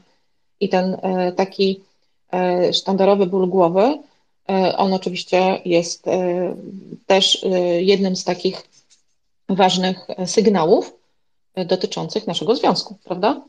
Mówię oczywiście w cudzysłowie. Dokładnie tak. I mówiąc o tym zapraszaniu właśnie, często właśnie to, że nie reagujemy, E, nie wiedząc właśnie, że jest jakiś symptom. No czuję się z czymś źle, ale jakby w, do tej pory jakby no, wydaje się to normalne, bo na przykład w relacji na przykład ojciec matkę traktował w ten sposób. To jest chyba normalne, więc nie będę na to reagować, że się tak czuję, bo przecież to samo obserwowałam, będąc dzieckiem w relacji swoich rodziców. E, nic bardziej mylnego, więc dlatego właśnie chciałem do tego przejść, ale zanim przejdziemy, to chyba jeszcze Janusz znaczy ja znowu wzbudziła się moja alergia na zawężanie perspektywy. To Sylwia wspomniała o tych relacjach w obrębie tradycyjnego modelu rodziny, babcia, dziadkowie, natomiast no, jesteśmy chyba tutaj w tym pokoju generacją, która jako pierwsza przerabia na własnym garbie tak zwane rodziny patchworkowe. I myślę, że to nie wiem, czy jest miejsce na taką bombę, Piotrze, może innym razem, ale e, manipulacje, jakie odbywają Odpalaj. się no wiesz, manipulacje, jakie odbywają się w relacjach z byłym partnerem, a ojcem dzieci, e, albo e, z dziećmi taty, który ma nowy związek, tam też są dzieci, no to to jest temat rzeka. Myślę, że każdy z Was ma takich, takich znajomych, może sami macie takie doświadczenia. I to znowu są bardzo intymne, bardzo trudne tematy, wymagające dużej delikatności i dużej zdolności obserwowania tak z lotu drona, jak ja to mówię, bo tam przebiegają zupełnie inne procesy niż w takim wyidealizowanym modelu, który dzisiaj sobie rozpatrywaliśmy, że mamy tradycyjny związek e, dwojga osób. No nie, nie zawsze tak jest, że są tylko dwie osoby. Tutaj chyba wcześniej ktoś wspomniał o trzeciej osobie, ale czasami mamy i musimy się zmierzyć z manipulacjami tak zwanego związku, który sobie przebiega obok naszego, w którym jest, nie wiem, nasza była partnerka albo były partner, a tą, tym spoiwem są na przykład dzieci właśnie, także no, to, to, to, jest, to jest poligon, tu jest ciężko, tu jest bardzo ciężko. E, to skoro e, Janusz powiedzieli, że to jest oczywiście tutaj wąski ten temat, e, zakres tematu, o którym rozmawiamy i ty sięgasz szerzej, oczywiście tak, to ja sięgnę jeszcze szerzej, że jakby tworzenie różnych trójkątów przez pary, przez partnerów, absolutnie ten aspekt dotyczy nie tylko rodzin patchworkowych i na przykład byłych partnerów, ale to się odnosi również do, z czego mogą pewne osoby nie zdawać sobie sprawy, czyli tworzenie takiego y, bufora i łącznika, ale może być to na przykład choroba dziecka, może być to ktoś krewny, może być to ktoś bliski z rodziny. E, I czasami trudno nawet dostrzec, że jest to po prostu też trójkąt. Mówimy o tak oczywiście o trójkącie małżeńskim, kiedy do tego związku e, mm, zaprasza się e, kolejną osobę i niekoniecznie to musi być osoba dorosła, może być jakiś inny czynnik, który no też odgrywa w tym tańcu swoją rolę. E, no i to też jest oczywiście nie, niekorzystne dla relacji e, i dla, dla dobrej relacji. Mhm. E, Piotrze, porządku i dalej, dziękuję. No tak, tak, rozszerzając to, my oczywiście tak trochę uprawiamy tutaj przykładologię, bo mówiąc o pewnych rzeczach odnosimy się do przykładów. Przykłady mogą być różne, mogą być węższe. Janusz powiedział o szerszych, jak najbardziej się z tym zgadzam. E, też y, są takie właśnie e, sytuacje, gdzie w rodzinach patchworkowych używa się różnego rodzaju e, manipulacji, chociażby do tego, żeby byłego partnera w jakiś sposób upokorzyć albo, albo go powiedzmy przywołać do porządku, albo zmusić go, żeby coś zrobił, czego niekoniecznie chce. Więc y, jak najbardziej to się zdarza. Zdarzają się też właśnie to, co ona powiedziała, bardzo tak zwane, ja, ja, ja na to mówię, za, za duży tłok, kiedy e, w związku jest mężczyzna-kobieta e, i do tego jest e, jedna i druga teściowa jeszcze, tak, które bardzo mocno cierpią z powodu tego, że, że ich córeczka czy ich syn kochany wyszedł z domu i jest wręcz zazdrość tak, o, tą, o tą osobę, która która tym rodzicom toksycznym e, tą, tego syna czy tą córeczkę po prostu odebrała. Więc też są e, znamienite sytuacje, gdzie dochodzi do różnego rodzaju gier, intryg, różnego rodzaju manipulacji po to, aby, aby obrzydzić powiedzmy komuś drugą osobę albo gdzieś w, w jakiejś sytuacji wyolbrzymionej podejrzliwości co do partnera córki, gdzieś tam się knuje jakieś intrygi się udowadnia na siłę córce, zobacz, widzisz, jaki on jest? Mówiłam ci, że już od razu wiedziałam, że on jest taki, więc no to jest jakby y, y, sól naszych rozmów, mam nadzieję, w przyszłości o, o, o wywieraniu wpływu i o takich właśnie obyczajowych kwestiach. E, a co do porządkowania, to tak jak wspomniałem, poczucie winy, kiedy czujemy w sobie, w sytuacji, kiedy jesteśmy z drugą osobą, czujemy czujemy, no to, to, nie da się tego tak opisać mocno słowami, ale czujemy gdzieś tak w żołądku taki, taki ścisk, czujemy tak, taki niepokój, że y, no, no czujemy, że no, jakby nie do końca mamy y, y, powody do tego, ale czujemy się winni za coś. Że druga osoba wywiera w nas takie poczucie winy, to jest sygnał alarmujący, że powinniśmy zacząć, zacząć reagować na to, co się dzieje. Że być może może nieintencjonalnie, ale ta osoba przekroczyła pewne granice i tutaj Anno pewnie się ze mną zgodzi, że słowo granice i stawianie granic jest tutaj kluczowe, jeśli chodzi o, o, o właśnie e, zarządzanie taką relacją. No, mówi się o asertywności i stawianiu granic, a wzbudzanie poczucia winy jest e, bardzo skuteczne e, w burzeniu tej relacji przede wszystkim. Czyli na przykład takie zdanie, gdzie nie potrafisz się wczuć w moją sytuację, bo ty na przykład, nie wiem, pracujesz w innej firmie albo zupełnie wykonujesz inną pracę. Nie potrafisz e, zrozumieć mnie, bo pochodzisz z bogatej rodziny. E, na przykład, no a może być jeszcze bardziej, e, powiedzmy, posunięte dalej, powiedzmy, wzbudzanie takiego poczucia winy klasycznego, że nie wiem, nie interesuje mnie Twoje zdanie, bo jesteś uprzywilejowanym z racji statusu społecznego, którego przodkowie na przykład mają, prawda, odwoływanie się gdzieś tam do przodków, do, do matek, do ojców, to są na różnym poziomie może być to wzbudzanie poczucia winy, a może być bardzo prozaiczne, prawda, takie z, z codziennego życia. Natomiast jest to absolutnie bardzo e, skuteczna metoda wywierania e, takiego, e, takiej postawy, która ma za zadanie jakby no, umniejszyć moją wartość, bo jestem czemu poczucie winy jest takim bardzo, bardzo skutecznym, bardzo bolesnym odczuciem, E, no i łatwo, łatwo się na to e, złapać, e, bo tak jak mówisz, ważne, żeby nazywać to po imieniu. Jeżeli to jest wzbudzanie poczucia winy, to znaczy, że ktoś ma w tym jakiś cel niecny. Albo na przykład obok stoi również wzbudzanie wstydu, prawda? Dokładnie tak. I celowo mówię, łączę te dwie rzeczy, czyli, czyli sygnał alarmowy z granicą, bo to oznacza, jeżeli nasz, nasze ciało nam bardzo często właśnie pokazuje kierunek i pokazuje, co się z nami dzieje, że coś się dzieje niedobrego, że czujemy właśnie jakieś napady gorąca, czujemy się źle, czujemy takie rozgoryczenie, że nam się chce płakać, że mamy ochotę wybuchnąć. To jest właśnie najlepszy y, właśnie symptom tego, taki, taki, taki papierek e, tego, że że coś się niedobrego dzieje, że pewna granica e, tej, tej, tej zdrowej relacji właśnie została przekroczona i należy, należy interweniować. Dlatego mówię też, przy okazji symptomu mówię też o tym, że właśnie są te granice, które ktoś czasami bardzo dyskretnie, bardzo w sposób zawoalowany przekracza i, i ta nasza czujność jest bardzo ważna żeby w momencie, kiedy dzieje się coś takiego, powiedzieć: Ej, stop, słuchaj, nie mów mi takich rzeczy, bo czuję się z tym bardzo źle, nie chcę się tak czuć, to jest okropne. Przestań, przestań, przestań tak robić, tak? E, I, I w tym momencie jakby stawiamy też jasną granicę, jakby przesuwamy z powrotem zakusy danej osoby poza tą granicę, którą wytoczyliśmy i i mamy jakby to, takie poczucie komfortu, tak, że czujemy się w tym momencie bezpiecznie. Cezary, bo podnosiłeś rękę. To jeszcze powiem o tym wstydzie, żeby nam tutaj nie uciekł, to Cezary może za chwilkę, tak?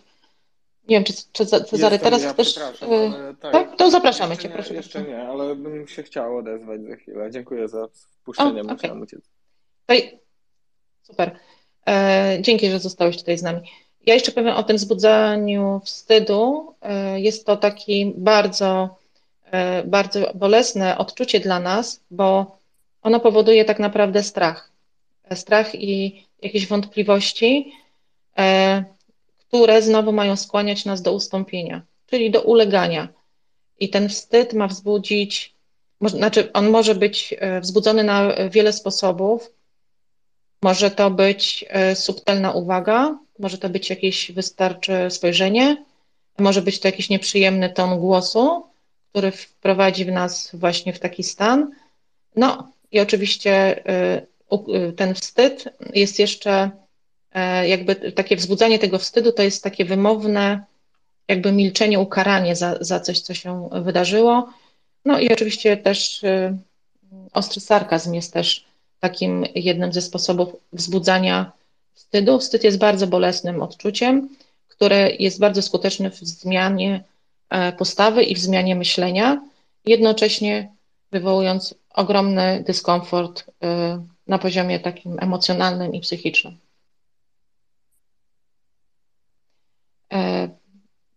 Piotrze, nie wiem, chcesz coś myślę, powiedzieć, czy zaprosimy Janusza? Myślę, myślę, że oddamy Januszowi głos i za chwilę będziemy bo wieczór jest poważny, ale e, może trochę dla wyregulowania oddechu coś na wesoło, bo to, co ty, Aniu, powiedziałaś, e, sarkazm i niektóre manipulacyjne formy ośmieszania stały się takim trochę pokoleniowym urban legend, no bo tutaj w pokoju większość panów to oczywiście gołodupcy, bo jak ciebie wzięłam, to byłaś gołodupcem, to chyba mówi co druga kobieta w Polsce. No kim się mogło być, jak byliśmy na początku życia, więc nawet stand-uperzy to już podnoszą w wielu kabaretach, zwłaszcza Górski w kabarecie Moralnego Pokoju to robi z tego, z tego takie pastisze. To jest jeden z takich kultowych tekstów, no a drugi to no, gdybym wtedy zamiast ciebie wzięła sobie tego Piotrka, to dzisiaj pewnie by była uuu, gdzie ja bym była.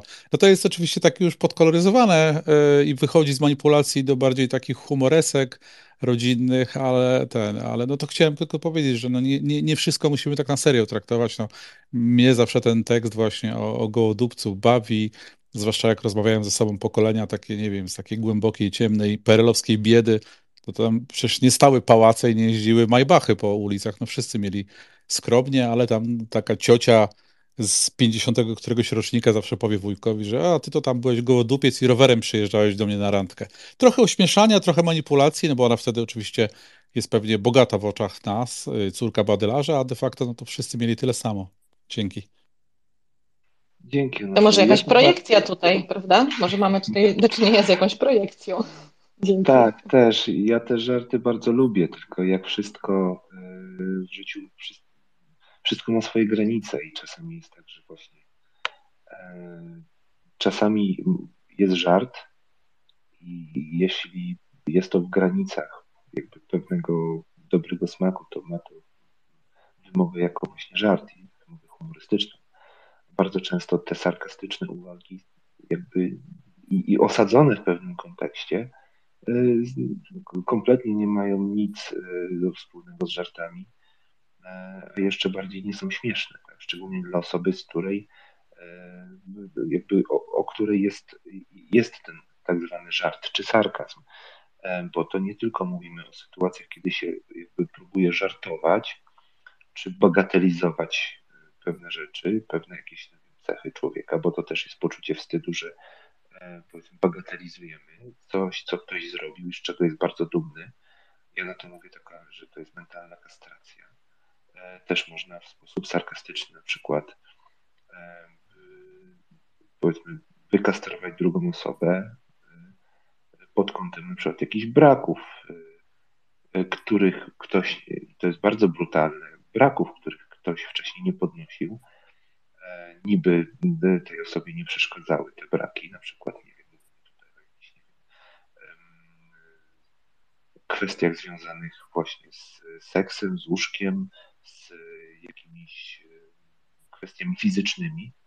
To są bardzo brutalne rzeczy i taki sarkazm czasami, bardzo subtelny, e, odnoszący się do, do rzeczy, nawet do kompleksów drugiej osoby, o której wiemy, e, może spowodować właśnie, że, że to poczucie wstydu będzie naprawdę bardzo silnym, silnym bodźcem do tego, żeby przejąć kontrolę nad drugą.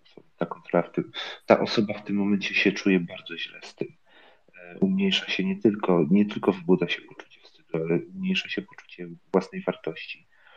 E, to jest, no to jest coś, co, co bardzo, bardzo perfidny sposób e, ustawia daną relację jako, jako relację toksyczną. To ja jeszcze powiem, że tutaj oczywiście, jeżeli śmiejemy się z z żartów, jeżeli dobrze się bawimy, jeżeli możemy sobie, mamy dystans do własnych e, różnych słabości e, i dajemy na to przestrzeń, to nie ma w tym nic złego. E, oczywiście jest to wpisane w jakąś obopólną umowę, że nie przekraczamy granic, nie, nie ujmujemy wartości, tylko możemy w jakiś sposób podchodzić z rezerwą do pewnych naszych cech I to jest fajne oczywiście, nie ma tutaj w tym nic złego, tylko pod warunkiem, że właśnie wszyscy wyrażają na to zgodę i jest z pełnym poszanowaniem. Natomiast jest jeszcze jeden ważny aspekt tutaj, w tym ja bym chciała powiedzieć, że jest coś takiego, że kiedy taka osoba funkcjonuje E, w takim właśnie, e, w takiej relacji, gdzie często do, doznaje e, wzbudzania wstydu lub wzbudzania poczucia winy, ale szczególnie wstydu. Jeżeli to się dzieje gdzieś na zewnętrznym polu, czyli na przykład na jakimś przyjęciu, na jakimś spotkaniu, w towarzystwie, wśród przyjaciół, czy czasami po alkoholu, to jest to też, trzeba być też Mm, jakby wyczulonym na to, że to może być też maska, e, bo nie ma po prostu innych zasobów osoba, która się z tym mierzy.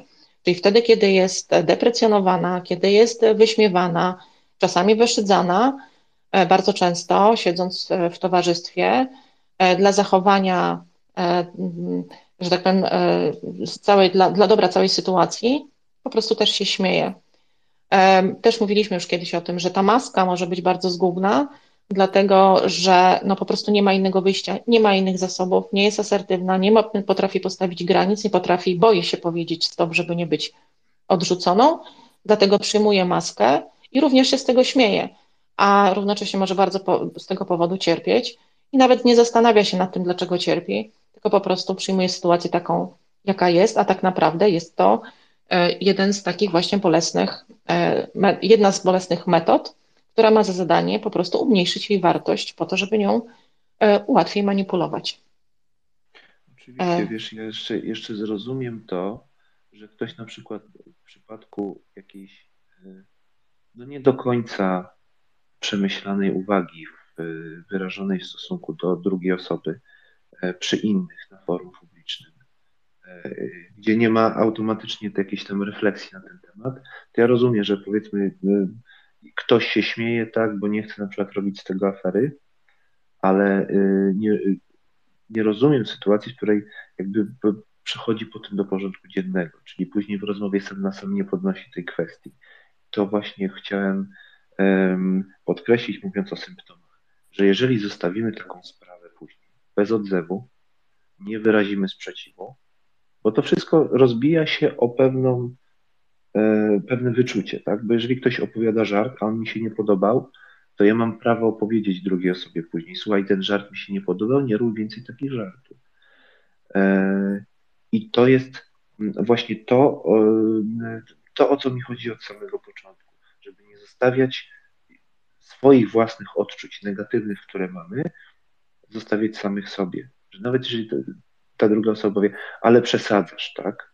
To wyrażenie słuchaj, ale bardzo mi się, bardzo mi się przykro zrobiło. Czułam się źle w tym momencie, kiedy powiedziałeś coś takiego. Bardzo cię proszę, żebyś takich rzeczy więcej nie robił, bo sprawiłeś mi bardzo dużą przykrość. Być może dla ciebie wydawało się, że to nie jest nic wielkiego, ale ja się poczułam bardzo źle w tym momencie. I normalna osoba zrozumie coś takiego i jakby zmieni swoje zachowanie. Powiedz no dobrze, nie będę tak robił. E, natomiast y, oczywiście w toksycznej sytuacji ta osoba będzie dalej tak robić, e, a w sytuacji takiej właśnie pasywnie toksycznej, o której mówił, nazwijmy to sobie w cudzysłowie, o której mówił Cezary, właśnie zostawienie takiej sytuacji również powoduje bardzo duże szkody dla naszej relacji. Także nawet jeżeli ktoś miał dobre intencje, opowiadając żart, liczył na nasze e, na nasz dystans do samego siebie, ale się przeliczył, to nic nie, nie stoi na przeszkodzie, żeby powiedzieć, zaprotestować, powiedzieć komuś, że przekroczył granicę, bo wszystko zależy od naszych uczuć, jak my w danym momencie, w danym kontekście odbieramy daną sytuację. Także, yy, I to też jest właśnie bardzo częstym tłumaczeniem innych osób, które chcą w jakiś sposób na nas wpływać, że odnoszą się do poczucia humoru czyli jakby spróbują legalizować swoje e, zachowanie przekraczające czyjeś granice, mówiąc, a, a co ty się na żartach nie znasz, ale przecież ja żartowałem, przecież ja nie mówiłem poważnie i tak dalej, i tak dalej.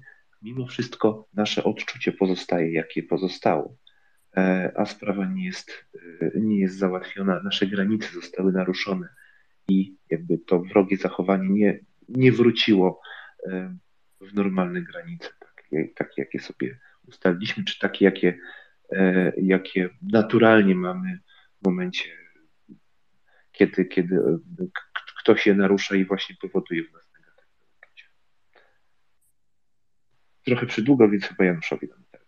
Bardzo proszę, a później znaczy, dobrnęliśmy do takiego punktu, w którym manipulacja, której poświęciliśmy tak dużo czasu, czyli właśnie deprecjonowanie, obśmiewanie, została w ostatnich latach znormalizowana i stała się kodem językowym, bo tak zwana szyderka e, funkcjonuje w wielu grupach pokoleniowych, od najmłodszych e, i jest e, akceptowana, choć to jest moim zdaniem bomba na bardzo krótkim lącie, bo osoby, które mają no, taki wektor wrażliwości ustawiony zupełnie inaczej, mogą bardzo szybko od tej szyderki e, przejść do pozycji ofiary, o której ty mówiłeś.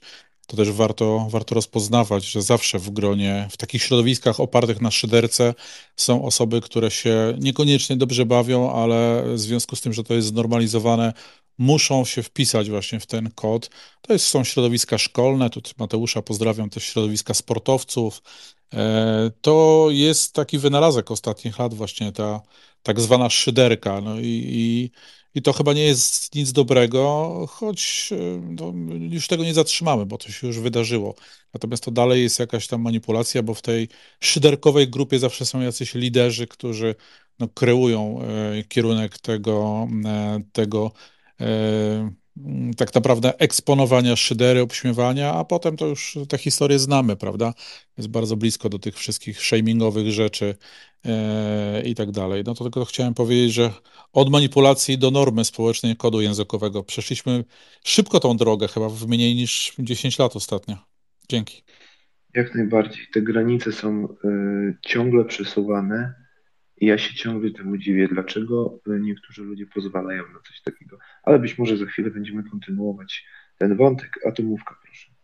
Y, wiesz co, chciałam się odnieść do tego, co powiedziałeś wcześniej, zanim jeszcze Janusz się odezwał, a propos tego, żeby asertywnie do tego podejść i powiedzieć tej drugiej osobie, nie podobało mi się to, jak tam mnie wyszydzałeś, jak ze mnie żartowałeś. A co w sytuacji takiej, o której mówiła Anna, czyli kiedy włącza się strach i ta osoba, która źle się czuje, E, ma to poczucie wstydu czy poczucie winy i chce z tym w jakiś sposób walczyć. E, boi się czegoś takiego powiedzieć, bo boi się, że tę drugą osobę urazi, właśnie bo może źle zrozumiała, bo może to wcale nie była szydera, może to wcale nie było kpienie. E, czyli jakby w momencie, kiedy ona nie zdaje sobie sprawy z tego, że jednak jest manipulowana. Jak sobie z tym poradzić? Czy kwestia zawsze, moim zdaniem, też punktu odniesienia my często w relacji z drugą osobą nie mamy punktu odniesienia, czy to była faktycznie przesada, a może nie, jesteśmy pełni wątpliwości. E, czasami właśnie przy tym gaslightingu właśnie to jest znamienite, że jakby zatracamy e, tą zdolność oceny pewnych sytuacji, w związku z czym dobrze jest po prostu z kimś porozmawiać. Jeżeli mamy kogoś bliskiego, czy może to być mama, tata, e, siostra, koleżanka, ktoś bliski, ktoś komu ufamy i opowiedzieć o tej sytuacji drugiej osobie i się zapytać, słuchaj, czy to jest normalne, czy ja może przesadzam? Zawsze trzecia osoba, która ma pewien dystans do tego, albo nawet pójść, nie wiem, jeżeli mamy możliwość, szczególnie młodzi ludzie, jeżeli mamy możliwość pójść do wychowawcy, do pedagoga, czy do kogoś opowiedzieć o tej sytuacji, mamy zaufanie do tej osoby, to pójdźmy, opowiedzmy, spotkałem się z taką sytuacją i e, chcę jakby coś z tym zrobić, bo nie czuję się z tym dobrze. Pytanie, czy ja aby nie przesadzam, czy to jest normalne i powinno, co ja powinnam zrobić w takiej sytuacji? Nie bójmy się też pytać drugich osób o to, czy, e, żeby mieć ten punkt odniesienia, taki od osoby, która jest nam bliska, ale będzie potrafiła z perspektywy osoby trzeciej na to spojrzeć. Nie bójmy się tego. To jest jedno z rozwiązań, które właśnie powoduje, że możemy dostać taki fajny feedback e, z informacją, słuchaj, wiesz co, no faktycznie, no to, to, to, to na moje oko jest coś nie tak, tak, więc powinniście na ten temat porozmawiać. To pozwolę e, ja jeszcze tu... A, mogłabym. Tak, tak, proszę, Atomówka. Właśnie, wiesz, bo y, nie bójmy się, wiesz, to y, łatwo powiedzieć w sytuacji, kiedy mówimy, wiesz, teoretyzujemy sobie, ale właśnie wchodzi potem do, do głosu dochodzi strach, mój związek powinien być dobry, mój związek powinien być fajny. Jeżeli ja zacznę komuś opowiadać o tym, o moich przeczuciach, odczuciach, o tym, że ja się niefajnie czuję, to ja w tym momencie zaczynam przekreślać trochę ten związek. Boję się pójść do tej następnej osoby, boję się jej zwierzyć. Wiesz, to tak w teorii dobrze się o tym mówi, ale w praktyce jest dużo gorzej. Bardzo mało ludzi prosi o pomoc i prosi o analizę trzeciej osoby i opowiada o tym, co się dzieje. Tak naprawdę. Y, żyjemy w świecie łudy, to jest to, co powiedział też Janusz kiedyś wcześniej. Y, różnego rodzaju Instagramy, nie Instagramy, Facebooki, one powodują, że my musimy pokazywać nasz związek jako idealny na zewnątrz. Więc nie poprosimy tej drugiej osoby o pomoc, trzeciej.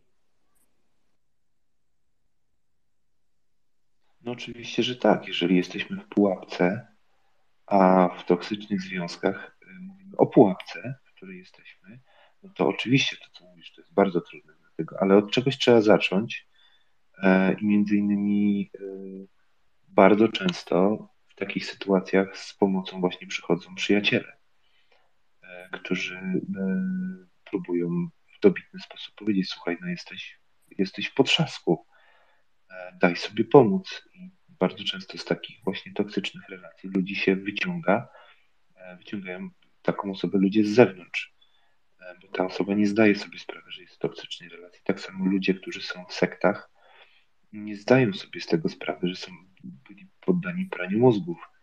E, jak się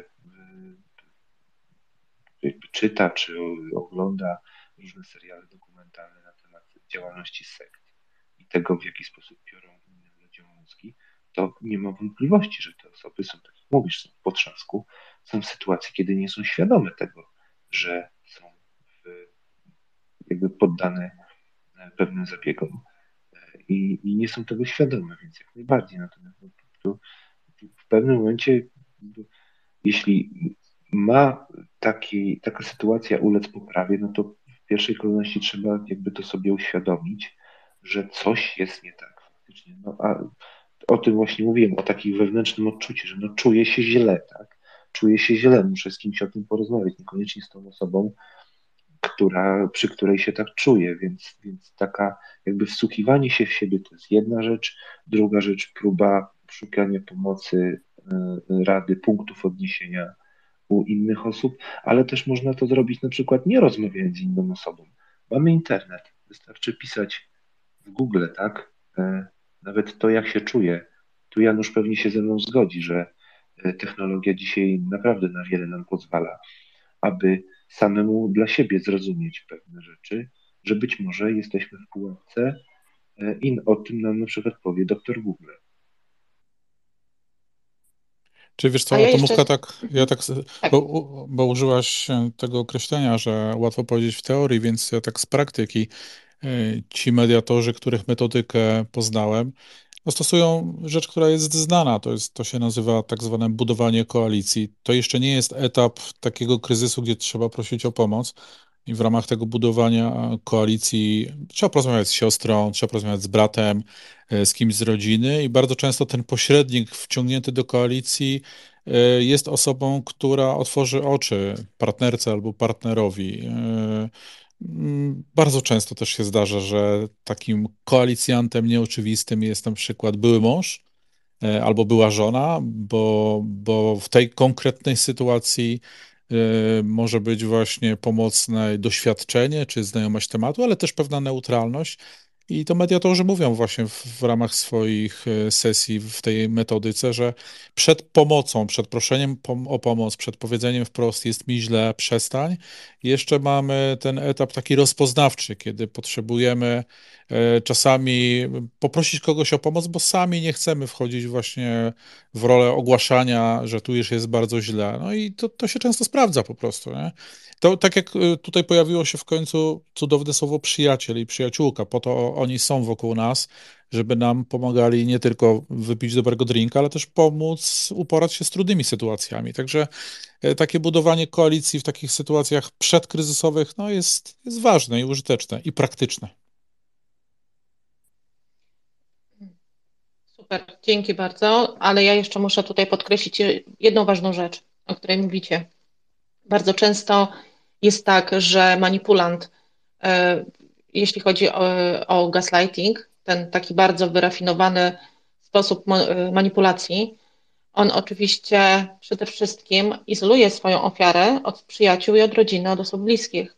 Czyli mamy też e, tutaj takie kolejne zagrożenie, które powoduje, że ta osoba tak naprawdę po pierwsze nie ma kontaktu poprzez różne e, oczywiście techniki e, manipulacji. Mm, po prostu nie ma kontaktu z przyjaciółmi albo tych przyjaciół traci w wyniku różnych sytuacji, różnych zachowań, różnych prowokacji albo po prostu tylko takiego przekazu, że nie wiem, ta przyjaciółka e, jest e, powiedzmy, nie wiem, nieodpowiednia dla ciebie, bo ona na ciebie źle wpływa, bo ona ciebie buntuje. E, rodzina w różny sposób jest też odizolowana, albo często ofiara przed rodziną nie chce się przyznawać, zachowując poker face, że jest wszystko w porządku i cudownie. I to jest właśnie też jeden z czynników gaslightingu, kiedy ta osoba, która jest na tej e, albo ofiarą, albo na tej e, słabszej pozycji, no mówimy tutaj już o ofierze, jeżeli chodzi o gaslighting, to że jest izolowana po to właśnie, żeby tej pomocy nie otrzymała. To jest jeden z też takich e, ważnych czynników i wtedy ofiara nie jest w stanie tak naprawdę nazwać spraw po imieniu, bo słyszy wtedy, kiedy odnosi się do tego, co sama czuje, do własnych odczuć. E, bo to, co tutaj, na co Piotr chce też bardzo zwrócić uwagę, e, żeby właśnie to wybrzmiało, żeby nie opierać się na intencjach tej drugiej osoby, bo często też słyszymy, że nie takie były moje intencje. E, I to wystarczy czasami, żeby podważyć własne odczucia. Czyli ważne jest, żeby koncentrować się na tym, co czujemy, co myślimy, bo gaslighting ma za zadanie właśnie jakby zakwestionowanie tego, co się myśli, jakie ma się e, własne przekonania i na koniec e, to, co właśnie podkreśliła ta atomówka, to jest w ogóle zakwestionowanie e, własnego, własnych myśli i własnej rzeczywistości, czyli jakby zatracenie poczucia rzeczywistości. To jest wynik jakby takiego już długotrwałego oczywiście, czy bardzo agresywnego systemu manipulowania, ale to jest ten paradoks, że najpierw osoby bliskie są izolowane, po to, żeby ta osoba, żeby ta ofiara nie miała po prostu wsparcia. Wtedy jest większe pole do popisu, wtedy jest e, większa wiarygodność, e, czy na przykład możliwość podważania e, różnych, nie wiem, zeznań tej ofiary. Świetnym case study do takiego gaslightingu jest film, który mi Atomówka poleciła i za chwilę powie, jaki to był tytuł, serial. Mam nadzieję, że Atomówka się zgodzisz. To jest, e, tylko ja, ja w tej chwili wypadł e, z głowy tytuł. Kłamstewka? Tak, wielkie, hmm. wielkie kłamstewka. Mhm. Kapitalny film dotyczący właśnie gaslightingu, świetny przykład, polecam, jeżeli ktoś e, chciałby obejrzeć, e, siedmioodcinkowy, nie tasiemiec, e, świetnie właśnie pokazuje ten mechanizm, jak bardzo można odizolować tę osobę po to, żeby ona e, nawet była niewiarygodna w swoich zeznaniach i, i jest to bardzo skuteczne. Dziękuję.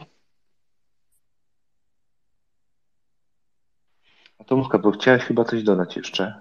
Nie, nie, ja tylko potwierdziłam, że to wielkie kłamstewka są, ten film.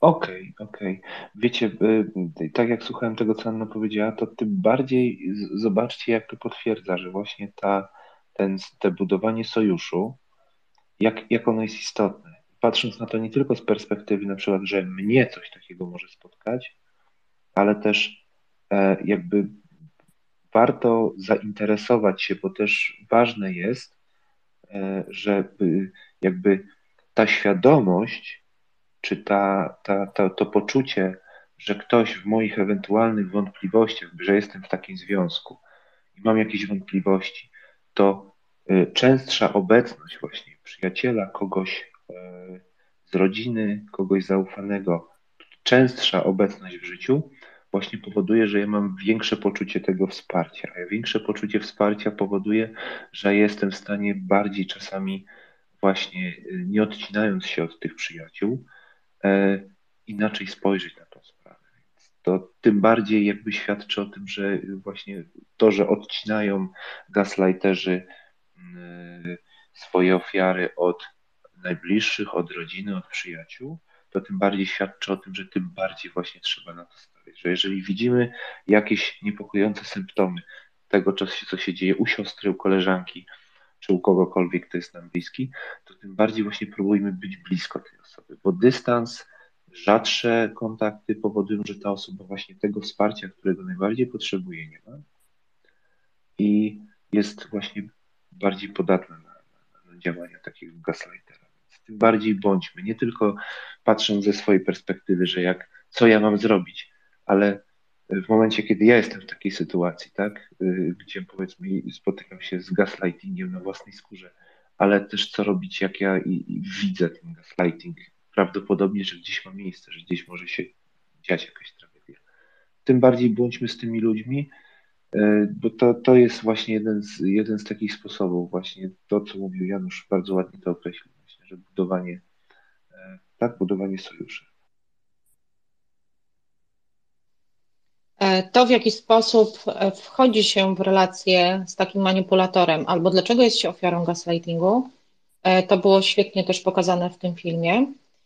To jest po części ten wątek, który, o którym wspomniała tutaj Sylwia właśnie, też takie uwarunkowania nasze przywiązaniowe i to też jest właśnie ważny ten schemat funkcjonowania. A ponieważ jest to też bardzo szeroki temat, to ja myślę, że możemy otworzyć e, kolejną, kolejny rozdział i, i też poruszyć te właśnie aspekty, e, w jaki sposób, e, co się takiego dzieje na poziomie nieświadomym albo na poziomie takim właśnie tych relacji czy teorii schematów, że właśnie Nicole Kidman była na przykład jedną z ofiar gaslightingu zapraszamy do tego filmu. I myślę, Piotrze, że możemy dalej kontynuować temat manipulacji. No mówimy tutaj oczywiście też o przemocy, tak? o przemocy fizycznej, o przemocy psychicznej, ekonomicznej, bo cały gaslighting to są również te aspekty, czyli całkowite ubezwłasnowolnienie ofiary, tak żeby ona po prostu była poddana y, i nie miała w zasadzie żadnych środków do tego, żeby E, żeby jakąśkolwiek pomoc uzyskać. E, stąd też e, to, co Janusz jeszcze powiedział, problem jest na tyle szeroki społecznie, że pewnie zwróciliście uwagę na wiele takich akcji, inicjatyw społecznych przekazujących różne kody, różne znaki w publicznych miejscach przez osoby, które są ofiarami przemocy i proszą w tej chwili o pomoc, żeby wezwać policję, E, nie wiem, w jaki sposób e, nie, nie sięgałam tutaj do skuteczności, e, ale wiem, że jest jedna ze stron internetowych.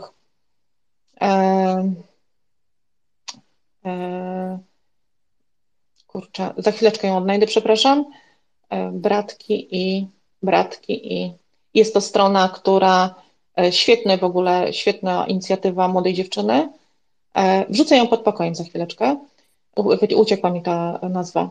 E, tej strony, e, gdzie kobiety, e, ale nie tylko kobiety, ale przede wszystkim kobiety, większość kobiet jest ofiarami przemocy domowej, wtedy, kiedy nie mogą się wydostać już z takiego tego węzła, zamawiają przez stronę internetową różne inne produkty i one oznaczają, że potrzebują pomocy. To pokazuje, że problem jest bardzo poważny, szeroki i trzeba o tym rozmawiać. Piotrze? Mm, dokładnie, oczywiście też chodzi właśnie o, o bezpieczeństwo kobiet w miejscach publicznych, jak chociażby nocne kluby, też są jakieś kody e, związane z tym, jak zgłaszać na przykład, że ktoś powiedzmy e, być może chce, nie wiem, e, daną osobę zgwałcić, albo przykład, nie wiem, albo coś jej dosypał do drinka i są takie kody specjalne, że się właśnie podchodzi do barmana i też się coś zamawia, tak? I barman automatycznie jakby to jest taki jak w przypadku włamania, tak? Jest kod y, do otwarcia na przykład jakiś, jakiegoś sejfu czy drzwi zwykły, a też kod pod przymusem. I to są też takie właśnie e, zamówienia e, właśnie pod przymusem, tak? Że, że, że jestem powiedzmy z kimś, e, kto powiedzmy stosuje wobec mnie przemoc, kto, kto, kto, kogo się bardzo boję, a jest obok, więc kodyfikuję zamówienie i zamawiam przed jakiegoś drinka, który oznacza wprost, że osoba, która jest ze mną, na przykład stosuje wobec mnie przemoc, tak, i proszę wezwać policję. Więc to są takie, e, takie, takie nowe rzeczy, które, które wchodzą do kanonu i one są bardzo potrzebne, chociażby ten znak zaciśniętego kciuka w pięści, który jest takim już bardzo rozpowszechnionym uniwersalnym znakiem takiego cichego wzywania pomocy, informowania o tym, że jest się ofiarą jakiejś, jakiejś patologicznej sytuacji. E, osoby, które potrzebują pomocy, są absolutnie ubezwłasnowolnione, uwikłane w takie relacje. E, jeżeli ktoś z Was e, ma w, w pobliżu, gdzieś w swoim kręgu taką osobę i nie jest w stanie jej pomóc, możecie skierować ją do sklepu internetowego Rumianki i Bratki. Jest to strona na Facebooku, może tam zamówić naturalne kosmetyki, przez to otrzyma pomoc. Świetna inicjatywa, jedna z wielu ale bardzo, y, jak okazuje się, bardzo potrzebna. E, e, oczekiwania e, osób, które tą stronę założyły w celu pomocy ofiarom przemocy w różnym aspekcie przerosły ich najśmielsze oczekiwania. Rumianki i bratki, przyjaciółce, koledze, przyjacielowi możecie w ten sposób pomóc. To tutaj taką inicjatywę Wam podsyłam. A my chyba już, Piotrze, nie wiem, czy chciałbyś coś od Ciebie dodać, czy zapraszamy już na następne nasze spotkanie, bo będziemy kontynuowali temat, jak podejrzewam. Myślę, że, że powoli będziemy zapraszać już na następne spotkanie, ponieważ jest już późno, jest już ponad dwie godziny, rozmawiamy o bardzo ważnych sprawach. Myślę, że będzie na pewno mm, tej, tej, tej dyskusji. E, zanim postawimy kropkę, jedną rzecz, y, którą chciałbym uzupełnić odnośnie tego bycia z innymi i pomagania. Bo bardzo często my, oczywiście z, z dobrej woli, tak, zaczynamy tą osobę uświadamiać. Słuchaj, zastanów się, z kim ty jesteś i tak dalej. I zaczynamy tą osobę przekonywać. E, I e, jakby przestrzegam przed tym, ponieważ w momencie, kiedy dana osoba jest zmanipulowana, czy dana osoba na przykład, nie wiem, jest pod wpływem jakiejś sekty, przekonywanie ją, że jest, słuchaj, jesteś pod wpływem jakiejś sekty, czy jesteś w toksycznym związku, czy ta osoba stosuje na tobie gaslighting, jest y, przeciwskuteczny. Głównie dlatego, że ta osoba będzie się w tym momencie bardzo mocno bronić. Najczęściej takie, że się ta osoba bardzo mocno broni przed, przed tym uświadomieniem. W związku z czym najważniejsze to przede wszystkim być, słuchać, rozmawiać w żaden sposób nie próbować uświadomić tej osoby, w jakiej jest sytuacji, bo ta osoba w tym momencie potrzebuje wsparcia, a nie potrzebuje rad, nie potrzebuje ocen tego, co robi.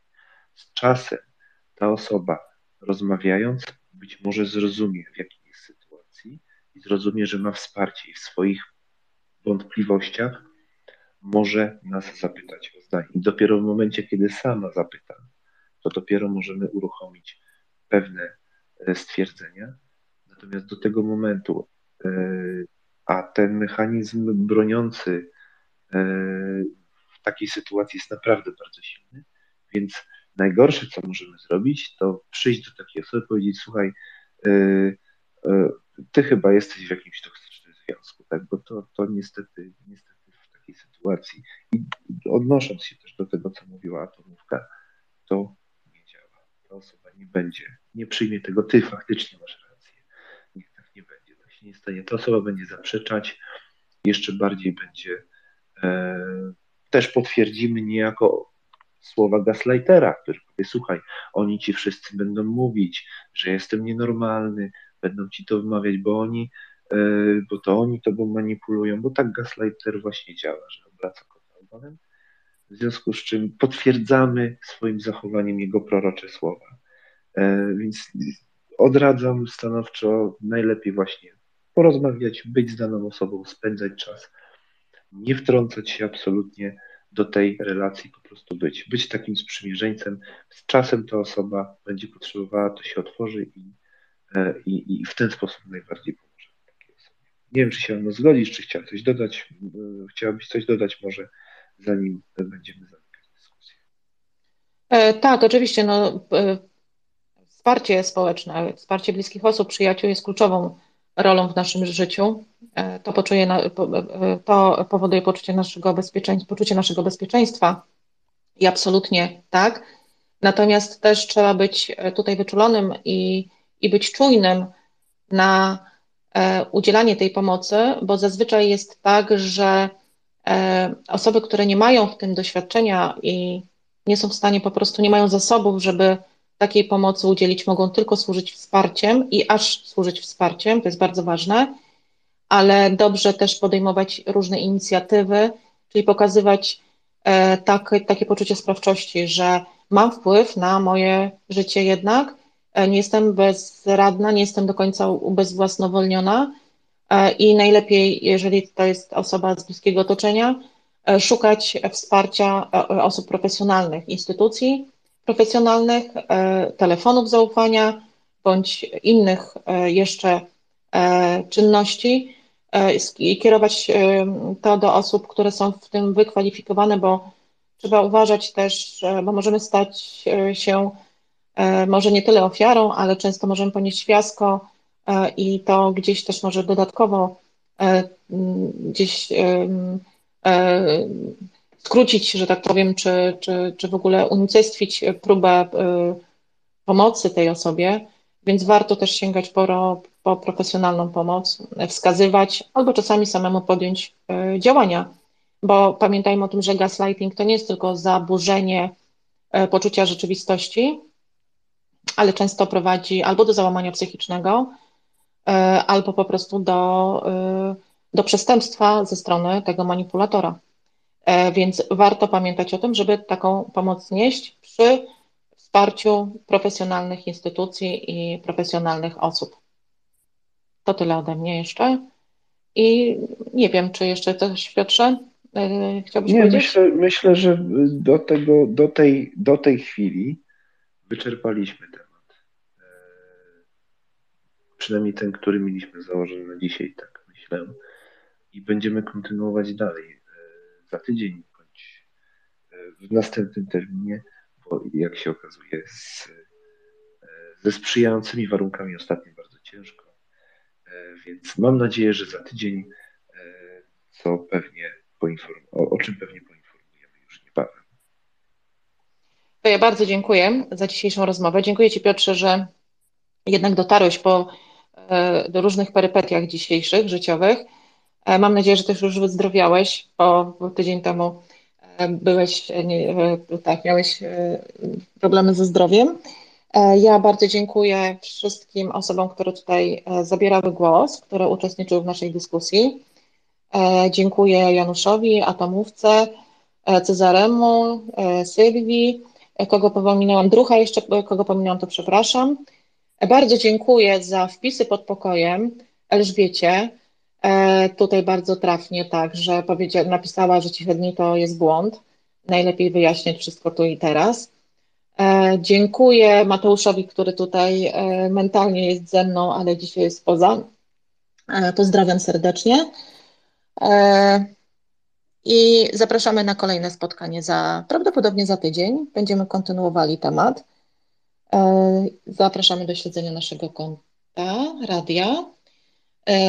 W niedzielę hmm, zapraszamy do Mateusza na sportowe gadki, w poniedziałek na sportowe gadki epilog, e, do Mateusza e, i do mnie. I we wtorek e, spotkanie z cyklu My Polacy. Tadeusz Krupa i Arkadiusz Olszowy zapraszają. Będzie zacny gość, niezwykle zacny, ale ogłosimy to jutro. Także śledźcie nasz profil. Ja dziękuję wszystkim za mile spędzony wieczór.